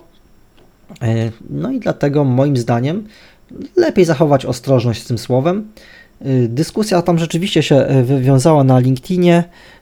Zdania były podzielone. Niektórzy nie czuli się z tym w żaden sposób niekomfortowo. Inni z kolei faktycznie zauważali, że, że jest takie ryzyko. No i teraz moim zdaniem jesteśmy w stanie dużo fajniej używa, y, używać tej konstrukcji, ale z pominięciem słowa zdradzamy, y, używając zupełnie innych słów, które potrafią nam dać tutaj inną mm, perspektywę, bez narażania się na ryzyko, że mhm. nasz komunikat trafi do osób, którym się właśnie y, jakby odpali takie przekonanie, że to jest coś niewłaściwego i, i które będą widzieć tego Brutusa czy, czy Judasza. Więc e, mhm. w jaki sposób możemy, możemy się wtedy wyrażać, żeby było to troszkę bardziej takie bezpieczne dla nas? No, troszeczkę w zależności od tego, kim my w tej narracji chcemy być. E, mam tutaj kilka propozycji. E, jeżeli chcemy być kolegą na sprawdzianie, to możemy użyć słowa podpowiadamy. E, albo mhm. suflerem w teatrze. E, jednak podpowiadanie, mimo że no, teoretycznie też jest nie do końca moralne, że pomagamy komuś zdać egzamin, to jednak wydaje się, że jest to lżejszy kaliber niż zdradzanie. E, w jakiś sposób jesteśmy tym fajnym kumplem, a może podpowiadamy, to już jest tak bardziej na legalu, tak jak, tak jak sufler, prawda, w, w teatrze na przykład, mhm. więc to podpowiadamy wydaje się już bardziej bezpieczne.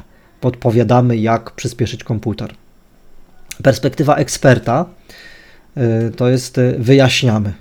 Wyjaśniamy, jak coś zrobić, wyjaśniamy, jak coś działa, y, zamiast zdradzamy, jak coś działa. No, zmienia to trochę ciężar narracji, bo kiedy mówimy wyjaśniamy, jak coś działa, to jest to narracja troszkę bardziej o nas. W sensie to bardziej mówi ja jestem ekspertem, który ci to wyjaśni, ja się na tym znam i ci to wyjaśnię.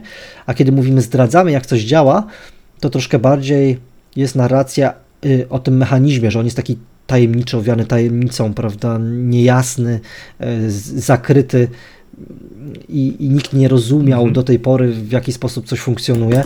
Więc to jest y, ciężar tej narracji jest bardziej o meritum, a mniej o, o narratorze. Kiedy wyjaśniamy, jest troszeczkę bardziej o narratorze. Jest perspektywa iluzjonisty, gdzie odczarowujemy coś. Czyli możemy użyć słowa odczarowujemy wtedy i wtedy z jednej strony jest to perspektywa o nas, z drugiej strony zachowujemy y, tutaj tą tajemniczość.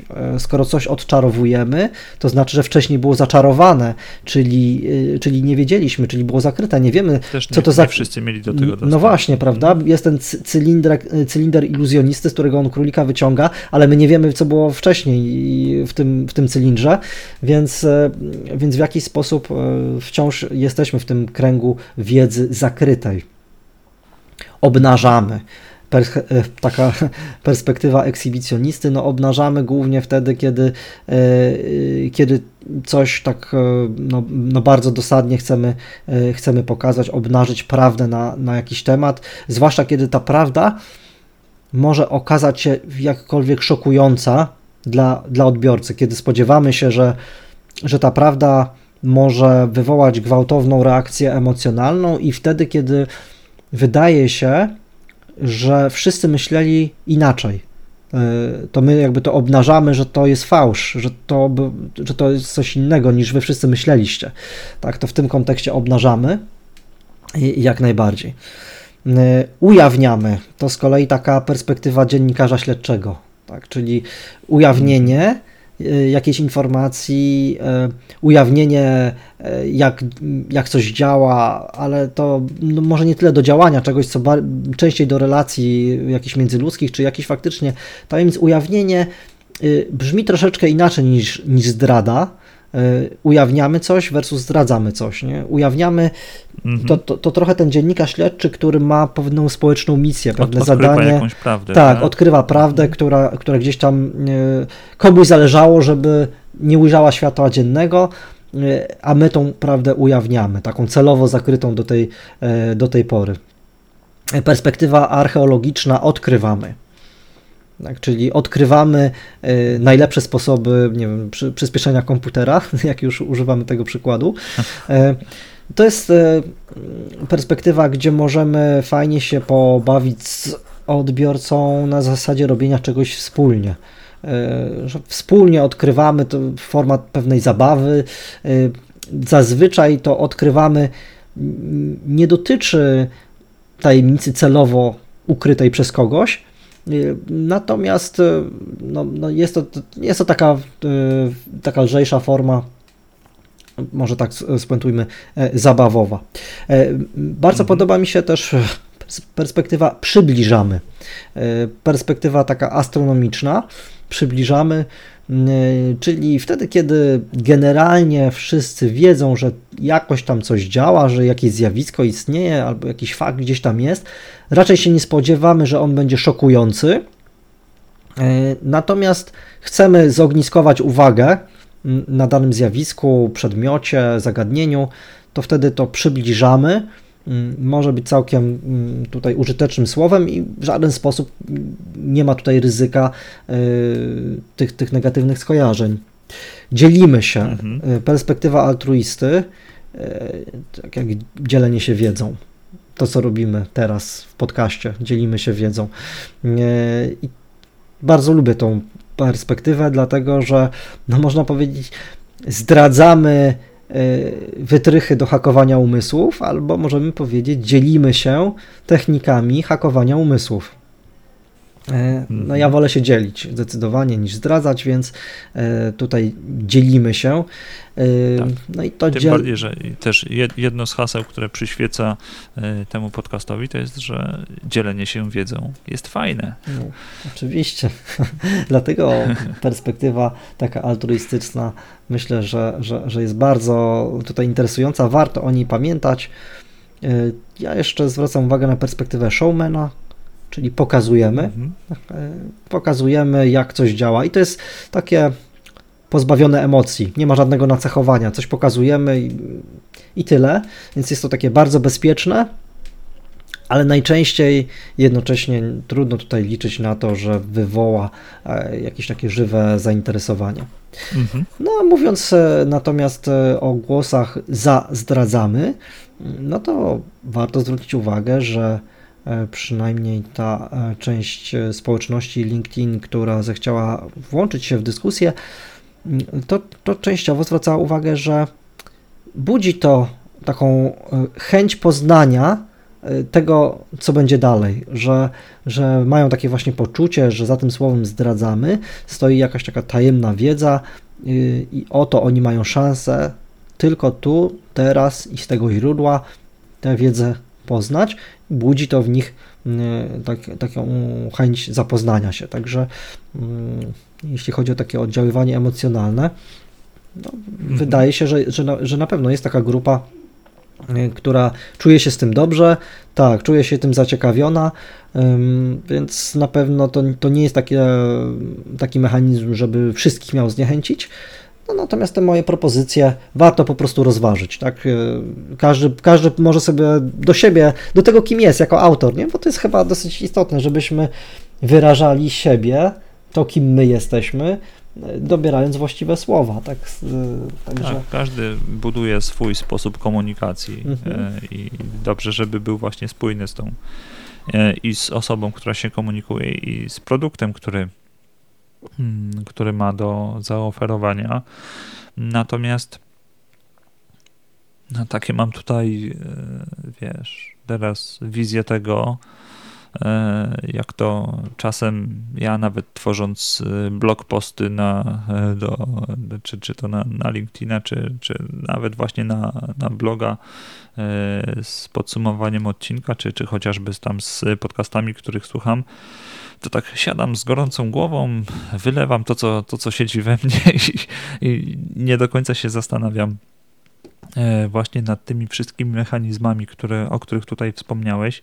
E, natomiast e, no już przy tej komunikacji jakiejś takiej stricte marketingowej, no dobrze byłoby to właśnie wszystko przepuścić przez jakiś taki swoisty filtr, o którym tam wspominałeś wcześniej, tak, który, który by sprawdził, mm, czy ta nasza komunikacja przypadkiem w którymś momencie nie strzela sobie w kolano, w stopę, czy, czy też właśnie nie, nie powoduje takiego efektu, którego nie chcielibyśmy, żeby, mm, żeby się e, gdzieś e, przebił do, e, do świadomości. Więc tutaj na pewno to w pełni świadome tworzenie treści no, musi być w pełni świadome, a nie, nie, nie, nie, nie, nie tylko takie właśnie, które, które wydaje nam się, że, że jest.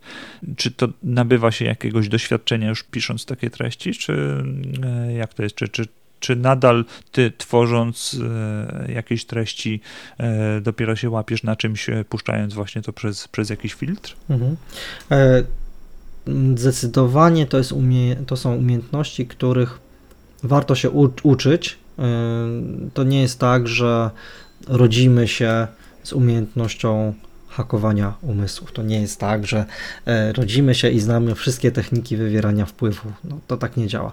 To jest po prostu wiedza, którą możemy zdobywać, e, no ale każda wiedza, jeśli jest nieużywana, no to wiadomo, E, wylatuje nam z głowy, więc e, po prostu mhm. trzeba ćwiczyć, ćwiczyć, ćwiczyć.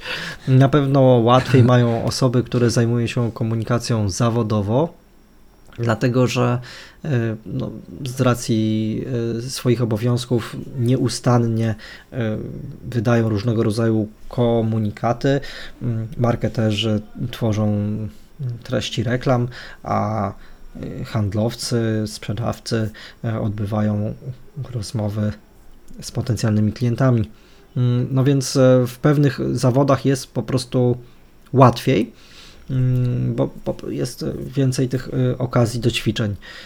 Na pewno mhm. warto się rozwijać, bo bo wiedza na ten temat się rozwija, prawda? To 30-40 mm, lat temu nie było e, tych prac Kahnemana, które w tej chwili są tak ważne dla naszego postrzegania umysłu i nic dziwnego zresztą, że został on uhonorowany Nagrodą Nobla za swoje prace, więc warto się rozwijać, warto korzystać z wielu źródeł.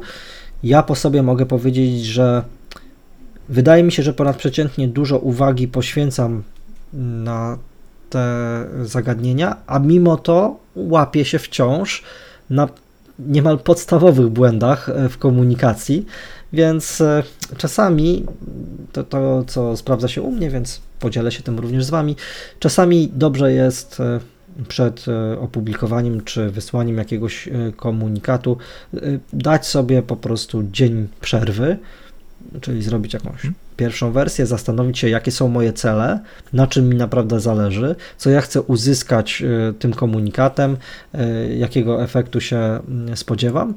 No i dopiero e, następnego dnia przeczytać to jeszcze raz, skonfrontować z moimi celami, czy ja chcę odbiorcę zachęcić, czy zniechęcić do czegoś? Mm, mhm. I, i wtedy jakoś tak łatwiej jest e, dobrać e, właściwe słowa i techniki, no bo zazwyczaj w tym pierwszym podejściu do danego komunikatu, na przykład maila, jeśli mamy newsletter, albo wpisu blogowego, zazwyczaj skupiamy się na merytoryce. Chcemy przekazać jakąś merytoryczną treść, zawartość i często no, ta forma umyka nam troszeczkę. Dlatego dobrze przy, dać sobie chwilę przerwy, od, tak żeby umysł no, odpoczął i, i dopiero na drugi dzień do tego, tak. do tego podejść. Niech prawda? sobie to odparuje z tych, z tych, tak. treści, z tych emocji, tak, i na, tak. świeżo podejść do, do, do, tematu jeszcze. Dokładnie, no i, no i tak e, jeszcze bym dodał, że w świecie IT zwłaszcza jest e, bardzo duży nacisk na SEO, e, czyli wszyscy się ekscytujemy tym, jak działa Google, wszyscy się ekscytujemy, jak należy pisać, żeby być wysoko w wynikach wyszukiwania to powoduje, że bardzo często nadmiernie skupiamy się na tych technicznych aspektach, typu nasycenie słowami kluczowymi, e, właściwe słowa kluczowe w nagłówkach, alty w obrazkach itd., tak itd. Tak I często jest tak, że kiedy myślimy o pisaniu e, na przykład bloga firmowego, to w zasadzie nasza uwaga idzie tylko na te aspekty SEO, a nie, zastan nie zastanawiamy się w, praktycznie w ogóle nad tym, jak już człowiek trafi na tą treść, to jaki będzie mhm. efekt na człowieka. Moim zdaniem powinniśmy myśleć najpierw o człowieku, a SEO to tak przy okazji, e, no a tymczasem odnoszę wrażenie, że często e, te proporcje są za bardzo przesunięte w stronę wyszukiwarki. Tak, no to, to czasem jest takie właśnie wrażenie, że gdy że no jak się trafi na, na, na taki blok, który e, właśnie jest tworzony bardziej dla maszyn niż, niż dla ludzi, e, to, no to ciężko się też przyswaja ten tekst troszeczkę, tak? Natomiast e, gdy trafimy na taki blok, gdzie, gdzie trafimy nawet właśnie nie z przeglądarki, tylko z polecenia od kogoś, e, to te treści czyta się zupełnie inaczej, naturalnie, tak jak, e, tak jak to można gdzieś właśnie, czy, czy w jakichś publikacjach takich drukowanych odnaleźć, tak, więc to no, na pewno to, o czym wspomniałeś tutaj, mm, no, jest na rzeczy. Chciałem jeszcze, Artur, bo tak dużo tutaj teorii się pojawiło, Trochę przykładów już takich e, teoretycznych też, e, też gdzieś było, ale, ale też, też nie tylko. Natomiast czy są jeszcze jakieś takie spektakularne przykłady, które e, gdzieś masz zanotowane odnośnie tych przykładów użycia tych, tych słów, wytrychów, jak ja to określam, właśnie tak w taki pozytywny czy też negatywny sposób? E, jasne, no, z racji e, tego, że musimy się na ten moment zmieścić w jednym odcinku, a przynajmniej chcemy, no właśnie mhm. musieć, to kolejne ciekawe słowo, e, to tak naprawdę musieliśmy wybrać tylko niektóre z tych zagadnień, ale nawet one mogą się ciekawie nam tutaj objawić. No, wspomniane już słowo spróbuj. Przykładowo użyłem kiedyś w newsletterze w ten sposób, że mm, newsletter, mail kończył się e, spróbuj zapomnieć o tym mailu. Więc e, tak, zrobiłem taki numer. To nie, nie była to jedyna, e, jedyna różnica. Zrobiłem wariant A i wariant B. Stąd mówię o różnicy pomiędzy wariantami. Wariant A był stworzony w oparciu o taką marketingową klasykę, czyli wyzwanie do akcji w stylu zrób, pobierz, uruchom, tryb rozkazujący, druga osoba, y, liczba pojedyncza mhm. i taka, taka jakby prosta, oczywista, poprawna marketingowa narracja Drugi mailing, wariant B, przygotowałem używając właśnie tych technik hakowania umysłów, gdzie użyłem tak naprawdę dwóch silnych technik. Pierwsza dotyczyła właśnie słowa spróbuj, druga dotyczyła trybu dokonanego, którego dzisiaj nie zdążyliśmy omówić, może będzie okazja w przyszłości. E, no ale mail kończył się właśnie tym słowem e, spróbuj e, zapomnieć o tym mailu. No i się okazywało, że skuteczność tego wariantu była wyższa o 33%. Mail po prostu miał hmm. skłaniać do pobrania pewnego PDF-a. No więc 33% lepszy CTR za darmo. To, to jest moim zdaniem super, hmm. że to są wymierne efekty e, w marketingu, kiedy nie musisz płacić więcej, kiedy e, nie zwiększasz w ogóle swojego budżetu, a tylko przez to, że w sposób świadomy używasz pewnych słów i zwrotów, rozumiejąc, jak one mogą wpływać na odbiorcę, zwiększasz swoją skuteczność. No i to jest e, twarde 33% różnicy. No więc wydaje mi się, że warto, no bo nic nas to nie kosztuje. E, podobnie mhm. się dzieje e, z, e, też z innymi technikami. Wspomniana tutaj ta technika trybu dokonanego. No, w dużym stopniu ona, to, to, już może powiem, ona w dużym stopniu opiera się o to, że jeżeli mówisz coś w trybie dokonanym, to umysł nieświadomy, który działa bardzo szybko, przyjmuje tak, jakby to, to się już stało i trudniej jemu jest zanegować daną sytuację. Więc e, ta technika mm, tutaj na, w reklamach, w marketingu też e, dowodzi mi nieustannie swojej skuteczności. Przykładowo możesz powiedzieć, e, chroń swoją domenę przed czymś, czyli taki ochroń przed czymś tam domenę, nie? na przykład zainstaluj sobie nim certyfikat mhm. SSL, czyli ochroń stronę przed czymś, albo twoja strona ochroniona. Mhm. E, czyli ochroniona, czyli ona już została przed czymś ochroniona, coś się niejako już wydarzyło, 50% różnicy e, w skuteczności. E, w banerach reklamowych też to, to, to, to w open rate mówię, 50% mi się udało. Również w banerach reklamowych, nie tylko w mailach, te techniki pozwalały mi się przenosić z poziomu na przykład w ban, taka klikalność na banerze 0,3% versus 0,5% na tej samej grupie, z tym samym budżetem, no to jest e, ogromny wzrost tak naprawdę znowuż mm, mhm. o kilkadziesiąt procent, więc e, chciałoby się e, powiedzieć, czy, czy stać cię, żeby nie znać tych technik, tak? Czy stać cię na to? tak, tak, no po prostu są, są no. tutaj twarde, policzalne, e, twarde, policzalne e, efekty są, tak. No i mhm. fajne jest też to, że można podpatrywać nieustannie komunikację dużych marek i, i, wychwytywać, co robią dobrze, i się inspirować, e, co, co robią źle. E, także to, to, to jest super. No, świat IT mm, jak najbardziej tutaj obfituje. No to, co mówiłem, był przykład e, sieci perfumerii. Ostatnio też znalazłem ciekawy przykład firma Adobe. Subskrybuje tutaj plan Creative Cloud i pewnie wiele osób zwłaszcza zajmując się grafiką komputerową czy, e, czy wideo, e, również to robi. I firma Adobe uparcie przysyła maila e, Artur, oto ostatnia transakcja zwolniona z podatku na Twoim koncie. I dostaję co miesiąc takiego maila i co miesiąc mam informację, że to jest ostatnia transakcja zwolniona z podatku. No i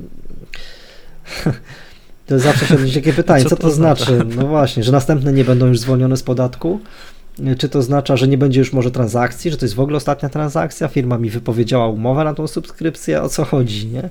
A czy inne konta są w takim razie dalej zwolnione z podatku, czy tylko moje nie jest zwolnione? A oni po prostu użyli słowa, słowa ostatnia jako synonimu słowa niedawna transakcja. Ostatnia w sensie ta najświeższa, mm -hmm. która miała miejsce w tym mm -hmm. sensie. Nie? No ale kiedy czytasz temat maila, ostatnia transakcja zwolniona z podatku, no, no to można to naprawdę dwojako rozumieć, co to znaczy. Nie? Więc warto naprawdę się pochylać nad tymi treściami. bo te słowa pierwszy, kolejny, ostatni niosą faktycznie pewne znaczenia, ale no słowo ostatni mm, to zawsze sugeruje, że na czymś kończymy, tak? Czy ma Pan jeszcze jakieś ostatnie pytanie? Mhm.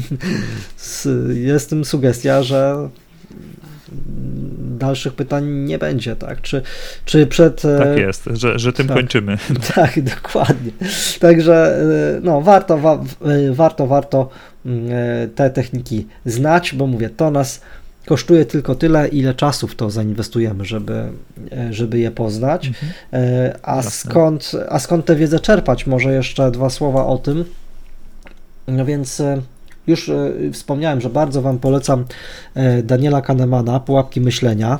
E, to jest solidna, solidna książka. Niestety wymaga skupienia. Tutaj jest taki naukowy język. To wymaga naprawdę, żeby tak mocno poświęcić sobie czas, czy też może zainwestować czas w tutaj interakcję z tą książką. Y, polecam bardzo również to, to, co, to, o czym zacząłem mówić y, y, już dzisiaj, potęgę podświadomości e, Marfiego, z, z, pewnym zastrzeżeniem, że tutaj no, nie każdy się będzie czuł komfortowo z tymi światopoglądowymi jego e, tezami, natomiast e, mhm. myślę, że jest to bardzo użyteczne, bo pokazuje mnóstwo mechanizmów e, funkcjonowania naszego umysłu, także tutaj jak najbardziej w pełni, e, w pełni polecam. Bardzo polecam oczywiście Roberta Cialdiniego jako klasyka teorii wywierania wpływu. No, to, co tutaj Robert Cialdini mówi o książce Wywieranie wpływu na ludzi, teoria i praktyka. Mhm no to, to jakby całe pokolenia się z tego uczą i osób zajmujących się marketingiem i, i sprzedażą.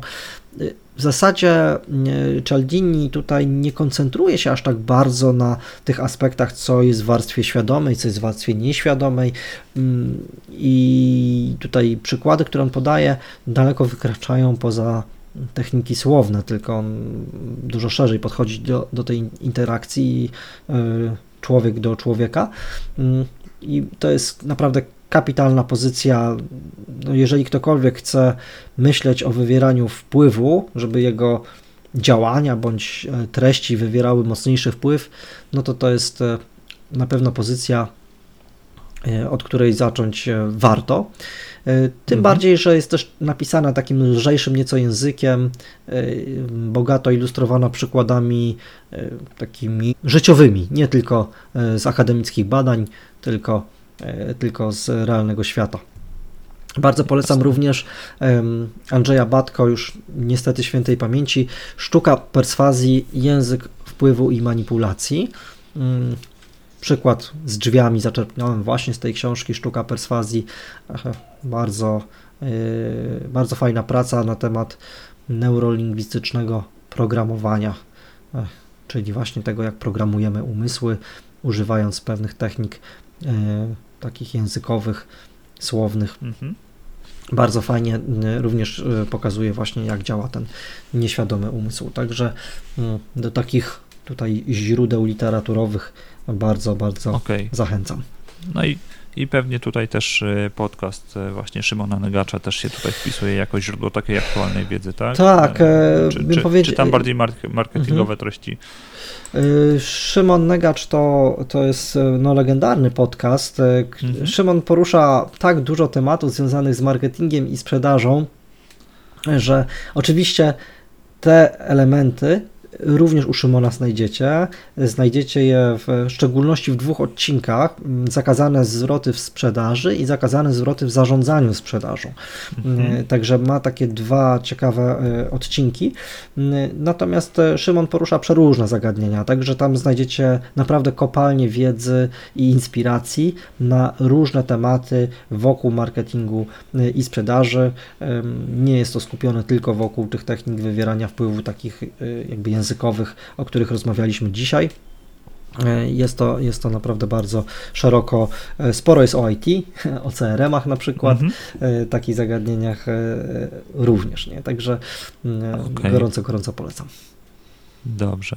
Powiedzieliśmy właśnie o tym, jak wykorzystywać to, czy tam bardziej kontekst był taki marketingowy, komunikacji medialnej, ale tak na dobrą sprawę, jakiś czas temu uświadomiłem sobie, że my wszyscy jesteśmy handlowcami.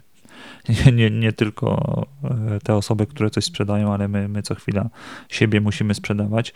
E, I czy masz tutaj e, jakieś pomysły, jak można wykorzystać tą, tą wiedzę, te, te techniki, które tutaj przedstawiłeś, niekoniecznie e, właśnie tworząc jakieś treści, ale właśnie w życiu codziennym, czy to hmm. chociażby tworząc CV, czy, e, czy w naszej pracy, tworząc jakieś właśnie opisy do, czy, czy do projektu, czy e, tam już no, wspomniałeś, że chociażby to, to taka, spróbuj tak. znaleźć dobre rzeczy, tak? No, to, to, to jest taki jeden z tych przykładów. No. Zgadza się. Czy, czy no, mógłbyś tutaj coś poradzić? Mhm. Te techniki, mm, to są techniki wywierania wpływu a wywieramy wpływ nie tylko przecież w świecie, e, w naszej pracy, no, ale też w życiu prywatnym. Wywieramy wpływ na e, partnerkę, na partnera, wywieramy wpływ na dziecko, kiedy usiłujemy je wychowywać, e, więc wywieramy wpływ na, na kolegów. No, tak naprawdę, żyjąc jako istota społeczna, no to zawsze żyjemy w tym świecie interakcji z innymi ludźmi i to są sprawy, o których warto pamiętać nie tylko w kontekście zawodowym, ale również w tym kontekście prywatnym. Y, choćby o, tych, o tej mocy kasującej y, słowa ala. Wyobraźmy sobie tą sytuację, że dziecko wraca z, ze świadectwem, na którym ma y, dobre oceny, ma same piątki, załóżmy, i ma trójkę z matmy. Więc co możemy powiedzieć? Że fajne masz świadectwo, ale ta matma. Nie? I, i jakby co, co, jakie przekonanie może powstać wtedy w takim dziecku, prawda? No to. Że reszta no, się nie liczy, tak? No.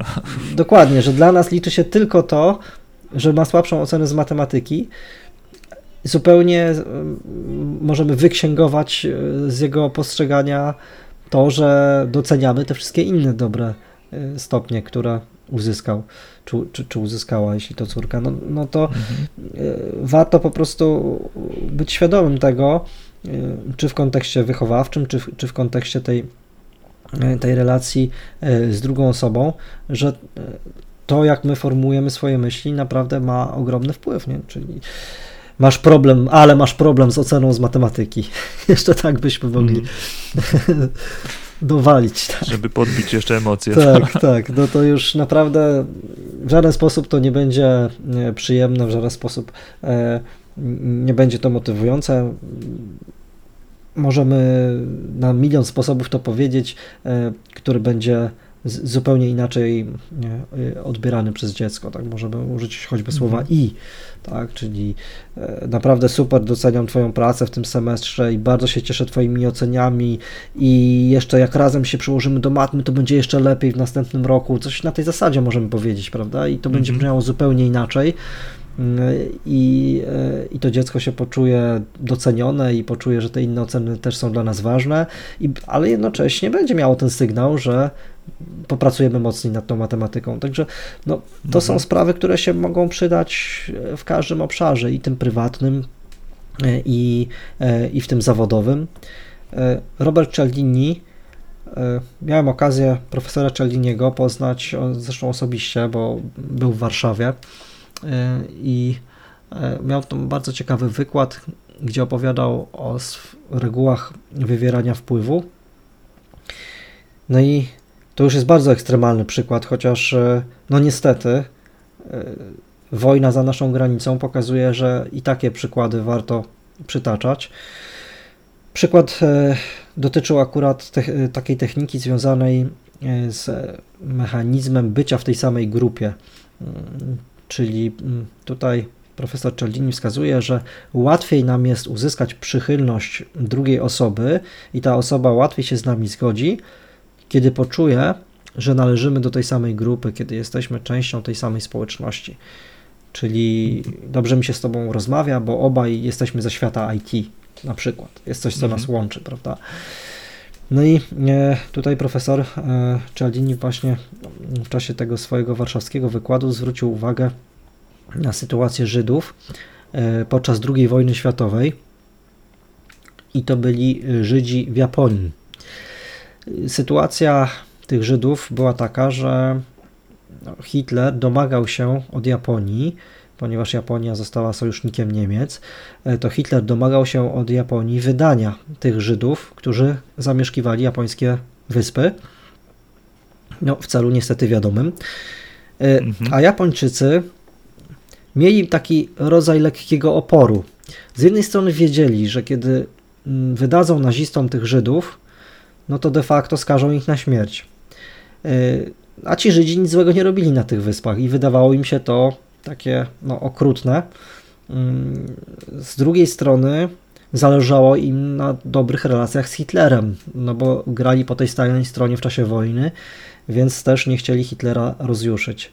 I oni e, zaprosili tych Żydów na rozmowę e, i poprosili, przedstawili jasno tą sytuację. Powiedzieli no, do reprezentantów tych Żydów, mówią: Słuchajcie, taka sprawa, no jesteśmy sojusznikami Hitlera. Hitler domaga się, żeby was wydać. Czy widzicie jakikolwiek powód, dla którego mielibyśmy was tutaj jednak zostawić? No i tym powodem okazało się, bo jesteśmy Azjatami, tak samo jak wy, bo mieszkamy tutaj na tym kontynencie już tam ileś lat i jesteśmy mhm. Azjatami tak samo jak wy, mimo że mamy inne wyznanie. No i to wystarczyło, y, żeby Japończycy tych Żydów jednak nie wydali, bo poczuli właśnie ten, tą, tą, więź, tą, tą, tą więź, że należymy do tej samej grupy. Tak? Jest coś, co nas jednak łączy, więc no, no nie, nie możemy was bezdusznie Hitlerowi wydać. Więc przykład ekstremalny, no ale nie handlowy, niestety, tylko tutaj takiej walki bardziej o, o życie, mm, ale to pokazuje, że w, no, tych obszarów, gdzie te techniki wywierania wpływu mogą nam się przydać, jest naprawdę bardzo dużo, tak? Od tych ekstremalnych sytuacji wojennych, e, przez takie sytuacje handlowe, aż po e, sytuacje takie typowo rodzinne, związane na przykład z, e, z wychowaniem dzieci, tak? albo nie biegaj versus powoli, powoli. No nie biegaj, co zostaje? Biegaj, biegaj, biegaj, tak? No. E, to, to biegaj zdąży wybrzmieć, ale kiedy powiemy powoli, powoli, no to zostaje już tylko ten jeden jednoznaczny komunikat powoli, tak? To akurat miałem okazję, pracując kiedyś na basenie, wiele razy przećwiczyć, jak dzieci biegały dookoła basenu i tam było mokro, więc niebezpiecznie było biegać, łatwo było o wypadek. Więc my ratownicy nagwizdaliśmy się tymi gwizdkami dosyć dużo, e, usiłując zapobiec tym niebezpiecznym sytuacjom. Także mm, no, no to mhm. wszystkie techniki naprawdę się przydają w wielu okay. momentach naszego życia. A czy my jako konsumenci e, właśnie treści w internecie, e, to czy możemy się właśnie jakoś, czy no nie wiem, czy, czy to jest dobre określenie, ale czy jesteśmy w stanie się bronić przed e, takimi właśnie Mhm. Mm, tak. Sztuczkami, czy, czy, czy, No, jeśli chodzi o te techniki oddziaływania na umysł nieświadomy, to mm, mamy powiedziałbym, dosyć ograniczone, ograniczone możliwości. Wiedza o tych technikach na pewno jest naszym orężem, czyli łatwiej nam będzie wykryć sytuacje, w których ktoś próbuje E, stosować te techniki wobec nas. Mm, nie zawsze znaczy to, że trzeba się przed tym bronić. No, to nie zawsze musi być coś bardzo negatywnego. E, czasami jest to zupełnie pozytywne. No, czy to jest złe powiedzieć dziecku w taki sposób, że super, że ma te inne oceny i za rok będą jeszcze lepsze, jak jeszcze popracujemy nad matematyką? To przecież jest to wywieranie wpływu, ale to nie znaczy, że ja chcę tym zrobić dziecku krzywdę. Przecież ja nie, nie chcę doprowadzić tego dziecka do podjęcia e, działań, które byłyby dla niego jakieś ne, niekorzystne. Prawda? Więc e, używanie tych technik nie zawsze jest czymś złym. E, często jest wprost przeciwnie. Często właśnie jest czymś dobrym, pożądanym. Mm, I, i, I dlatego warto tak na nie patrzeć, że no to tak jak ostry nóż, no, można nim przygotować jedzenie, a można nim popełnić morderstwo. To nóż nie jest zły sam w sobie, to jest kwestia do czego my go używamy.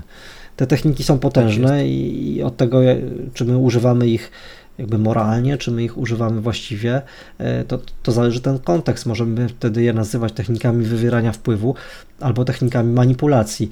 No, zazwyczaj mówimy o manipulacji w tym pejoratywnym kontekście, kiedy, kiedy chcemy doprowadzić kogoś do, do jakiegoś zachowania, które byłoby niekorzystne dla niego, a korzystne dla mnie. Tak, to bardziej wtedy jest ta, taka technika manipulacji, tak, tak to najczęściej wtedy postrzegamy, a kiedy, mm, kiedy jest to coś pozytywnego, to możemy mówić o wywieraniu wpływu, czasem wręcz o motywowaniu, czasem wręcz w, te, w ten kontekst mm -hmm. możemy przejść, prawda, że, że kogoś chcemy zmotywować.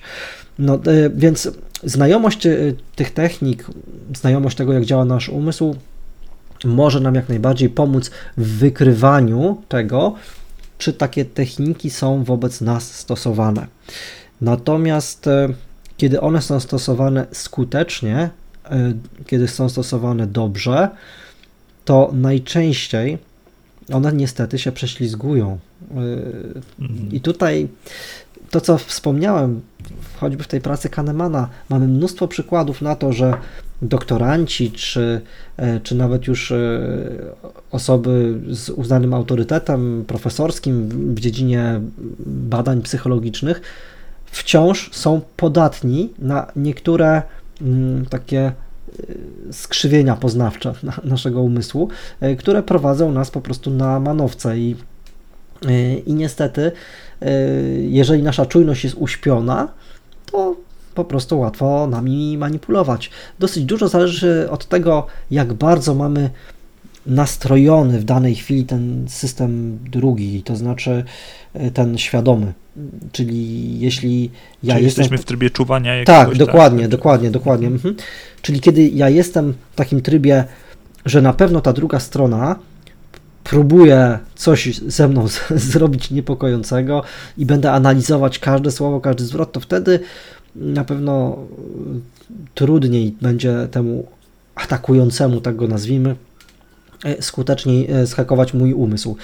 To hakowanie, ono w, e, w, dużym stopniu zasadza się na pewnej też takiej no, nieuwadze, właśnie na tym, że druga strona nie, w ogóle nie podejrzewa, że należy jakoś wzmóc czujność tego, tego systemu drugiego, tego umysłu świadomego, a cała sytuacja jest przetwarzana przez tę nieświadomą, szybką warstwę y, umysłu i, i, i dlatego y, tak skutecznie to mm, funkcjonuje. Mhm. Większość tematów, które e, sobie przygotowałem tutaj, żeby z Tobą poruszyć, Artur, e, zostały omówione. Więc e, powolutku zbliżamy się do lądowania. Jakbyś mógł podzielić się z nami jeszcze Twoimi jakimiś takimi pasjami spoza IT? Czy, czy jest coś takiego, czy spoza IT, spoza w ogóle tego świata e, jakiegoś marketingu? No, hmm. Tak, e, tak, są no, takie dwie pasje. E, pierwsza pasja to fotografowanie. Mm, fotografuję hmm. od wielu lat. Pasją zaraziłem żonę. Ona teraz fotografuje zawodowo wręcz. Ja to na takim może amatorskim poziomie, e, ale to jest coś, e, co z IT się wiąże poniekąd, no bo jednak żyjemy w dobie fotografii cyfrowej, więc mówiąc o fotografowaniu, e, to dosyć szybko dochodzimy do macierzy dyskowych, no bo gdzieś trzeba te, te zdjęcia przechowywać później, jak się ich robi dużo. Więc tak, z IT ma to sporo wspólnego i IT też pomaga w realizacji tej pasji, e, choćby przez właściwie takie e, no, jakieś dobieranie mm, sprzętu, oprogramowania, czy dbanie o bezpieczeństwo mm, cyfrowych zdjęć, e, mhm. to, to jak najbardziej ta, ta, ta pasja IT się z tym zazębia. Ale to to e, te zdjęcia to, to, bardziej tak prywatnie, czy gdzieś publikujesz też, w jakichś konkursach też bierzesz udział? Czy? Mhm. E, w, kiedyś, no niestety bez sukcesów, ale udało mi się wy, wy, wysłać pracę na konkurs National Geographic. To były zdjęcia podróżnicze wykonane w górach Synaj. To, to, to w ogóle w tej chwili chyba znowu można już polecić tą destynację dla osób, które e, szukają też e, jakiejś inspiracji podróżniczej, e, wejście na, na górę Synaj, na, na górę Mojżesza, o, tak żeby sobie zobaczyć wschód słońca ze szczytu. No kapitalna sprawa. Mnie się udało przed tymi wszystkimi niepokojami związanymi z działalnością państwa islamskiego, więc wtedy mhm. jeszcze powiedzmy było to Mm, bezpieczne, ale był potem taki okres przez kilka lat, gdzie trudno było komukolwiek doradzać e, podróże e, na Półwysep Synaj, a w szczególności poza te takie największe ośrodki typu Sharm el Sheikh tylko właśnie, żeby gdzieś się wybrać, e, no tak, e, no, no w te góry po prostu, no bo, mhm. no bo tam to państwo islamskie doprowadziło do tego, że, że było to bardzo niebezpieczne, ale wydaje się, że w tej chwili znowu jest to możliwe, no to wiadomo, chętni musieliby sobie tam sprawdzić tą, tą obecną śledzić. sytuację. Mhm. Tak, natomiast e, bardzo fajne, takie fotograficzne też doświadczenie, no bo mm, to była wyprawa E, gdzie wyruszało się w późnych godzinach nocnych. Około północy, pierwszej w nocy się było u podnóża góry Synaj i, i wchodziło się na nią przez całkowitej ciemności. No i to jest w ogóle niesamowite, no bo dookoła w promieniu kilkudziesięciu dobrych kilometrów nie ma żadnego miasta. Jesteśmy wysoko, e, w miejscu mało też e, zanieczyszczonym, jeśli chodzi o, warunki. O światło. E, tak, i, i, o światło, i przejrzystość w ogóle powietrza, no bo tam żadnych takich ośrodków mhm. przemysłowych e, ani dużych miast nie ma w okolicy, a to powoduje, że jak się jest na tej wysokości tam ponad 2000 metrów i się patrzy na niebo, to to ono ma tyle gwiazd, że strasznie ciężko zobaczyć coś takiego tutaj z Polski po prostu. Mm, e, więc e, to wrażenia, patrzenia w te, w te gwiazdy, no wow, jest mega. No i potem mm. po prostu można sobie usiąść na tej skalnej półce e, z aparatem i, i fotografować kolejne etapy wschodu słońca. Po czym jak już jest tak w pełni jasno, to, to się nieco nawet przestraszyć, widząc na jakiej wysokości się siedzi, e, bo, bo to rzeczywiście no, no, takie wrażenia są dosyć, mm, dosyć ciekawe. E, także no to, to taka pasja, do, do IT też mi się przydała. Jestem autorem e, wielu zdjęć naszych pracowników, które są na stronie CyberFolks, naszej stronie mhm. internetowej, ponieważ my wierzymy bardzo w taki marketing mm, no, nie, nie stokowy, tylko oparty mhm. o prawdziwych ludzi. E, stąd zresztą nawiązuje trochę do naszej nazwy CyberFox, czyli jest ten element ludzki, Fox, tak? Czyli tutaj mówimy o, mhm. mówimy o ludziach, więc nie mieliśmy wątpliwości, że musieliśmy e, wykorzystać zdjęcia prawdziwych e, pracowników. Mm, no, taka anegdota się z tym wiąże, że byliśmy właśnie w zeszłym miesiącu w Warszawie na targach i Trade Show. Po targach zmęczeni wchodzimy do losowej restauracji. Kelner przyjął zamówienie, jest nas pięcioro osób z obsługi naszego stoiska mm, targowego. E, byliśmy jeszcze ubrani w firmowe bluzy żółte z napisem Cyberfox i, i tak sobie siedzi, siedzimy. Facet jakiś podchodzi, tak stoi nad nami, przygląda się na nas na telefon, na nas na telefon i w pewnym momencie wypala ja was znam, to wy. My tacy zdumieni patrzymy, ale o co chodzi? No bo wiemy, że nie kelner, bo, bo kelner już zamówienie przyjął. Kto to jest? Po czym y, ów człowiek odwraca telefon i pokazuje nam naszą stronę internetową, y, gdzie jest y, okienko z czatem, on powiększył i mówi, ty jesteś ten gościu z czata, a ja mam u was hosting. Nie? I faktycznie Damian, e, który ma taką charakterystyczną urodę, trochę ara Helsinki z domu z papieru, bo ma taką piękną brodę, e, właśnie u nas jest mhm. twarzą na czacie, no ale to jest e, postać jak najbardziej realna, która u nas pracuje i wspiera klientów. No i tak się składa, że również był mm, tutaj na tym stoisku jako część naszej obsługi targowej no i został rozpoznany na mieście. No, dlatego warto, warto, to było bardzo sympatyczne spotkanie, warto mieć E, jak się okazuje, prawdziwe mm, osoby. No właśnie dlatego, że potem mhm. E, ktoś cię pozna, że tutaj mówisz na jakiejś konferencji, a, a tam przychodzisz na lunch. Także. Jest to e, zupełnie inny poziom budowania relacji. No. no, to na pewno tak. To, to, to bardzo, bardzo sympatyczne te spotkania. A drugą moją pasją jest, jest sport, jest bieganie, które też po części się wiąże z IT. No to historia w ogóle taka, że ja się urodziłem z taką wadą serca która sprawiała, że przez długi czas w zasadzie samą podstawówkę i, i część liceum, ja WF-u unikałem. Często byłem zwolniony z tego WF-u, miałem takie zaburzenia rytmu serca i byłem przez to gruby i niesprawny, z bardzo słabą kondycją. Ale w pewnym momencie medycyna zaproponowała zabieg, który mi tą wadę miał radykalnie rozwiązać. Mm, ten zabieg był dosyć taki ciężki, bo to operacja, no może zabieg, to nie jakaś wielka operacja, no taki zabieg e, bez narkozy. Grzebanie mhm. we wnętrzu serca, w moim wypadku to się wiązało tam z naprawą układu e, bodźco przewodzącego, który steruje pracą serca. E, jak wyszedłem taki zmaltretowany już trochę z tego szpitala po tym zabiegu i stwierdziłem, no dobra, serce mam naprawione, bo zabieg się w pełni udał, ale jestem gruby i niesprawny, to teraz jak mi naprawili to serce, już nie mam tych napadów arytmii, głupio będzie paść na zawał za te 10 czy 20 lat. Trzeba się za siebie wziąć. Będę biegał. No i przebiegłem 200 metrów i myślałem, że skonam. No, miałem takie zakwasy, brakowało mi tchu, no bo byłem zupełnie, zupełnie niesprawny. E, no i tak zawziąłem się, że będę biegał, będę biegał i IT również mi w tym pomogło, mm, no bo pomogły mi te wszystkie aplikacje e, społeczne do biegania, do uprawiania sportów, konkretnie aplikacja Runkeeper, mm, no i dzięki niej po prostu miałem dużo większą motywację, bo mogłem sobie wszystkie treningi tam gromadzić, ale to jeszcze nic. Największa motywacja była społeczna. Po prostu kolega z zupełnie innej części miasta wirtualnie się ze mną ścigał. No i efekt był Aha. taki, że zaczęliśmy kto pierwszy przebiegnie 10 km, kto pierwszy e, przebiegnie 10 km poniżej godziny i tak sobie po prostu kibicowaliśmy wzajemnie, więc e, właśnie aplikacje typu Endomondo, Runkeeper, Strava, te systemy Garmina czy Polara, no, kapitalnie to wykorzystały te mechanizmy społeczne.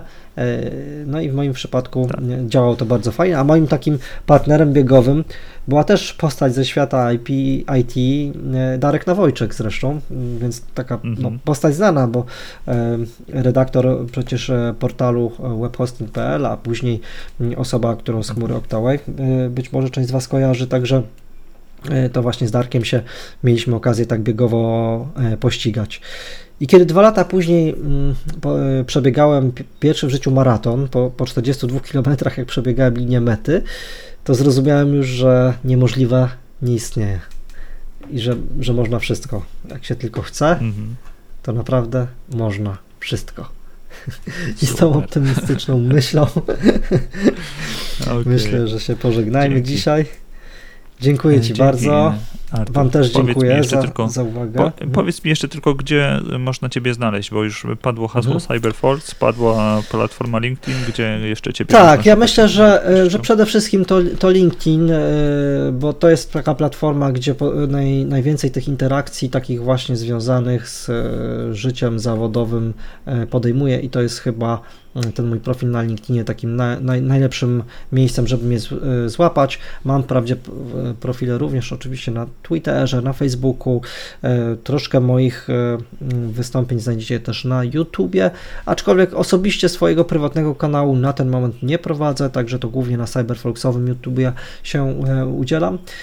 Natomiast tych wszystkich mechanizmów to zapraszam bardzo serdecznie. Jeżeli znajdujesz coś dla siebie w tej, w tej wiedzy o wywieraniu wpływu, jeśli coś dla Ciebie jest mm, interesującego, inspirującego, no to zapraszam, dodaj mnie do znajomych na LinkedInie, e, daj znać, że, że jesteś z podcastu e, i, e, i, i po prostu mam nadzieję, że w moim feedzie znajdzie się jeszcze więcej interesujących dla Ciebie treści.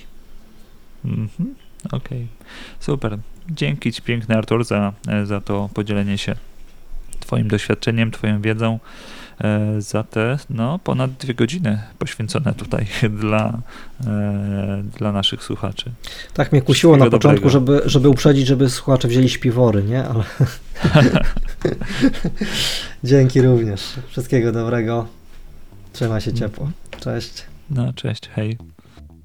To jak? Hakowanie umysłu już nie ma przed tobą tajemnic? A może chcesz sobie usystematyzować poruszone tutaj tematy? Mam dla Ciebie prezent. Artur przygotował broszurę do której link znajdziesz przy blogpoście do tego odcinka na itity.pl. Dziękuję Ci za wspólnie spędzony czas, a jeśli spodobał Ci się ten odcinek, to spróbuj nie dzielić się nim ze znajomymi. Masz jakieś uwagi lub pomysły? Pisz śmiało na adres damianmałpa.itity.pl lub komentuj w social mediach. Pamiętaj o subskrypcji podcastu. Ja nazywam się Damian Ruciński i przypominam Ci, że dzielenie się wiedzą jest fajne. Do usłyszenia. Pa pa.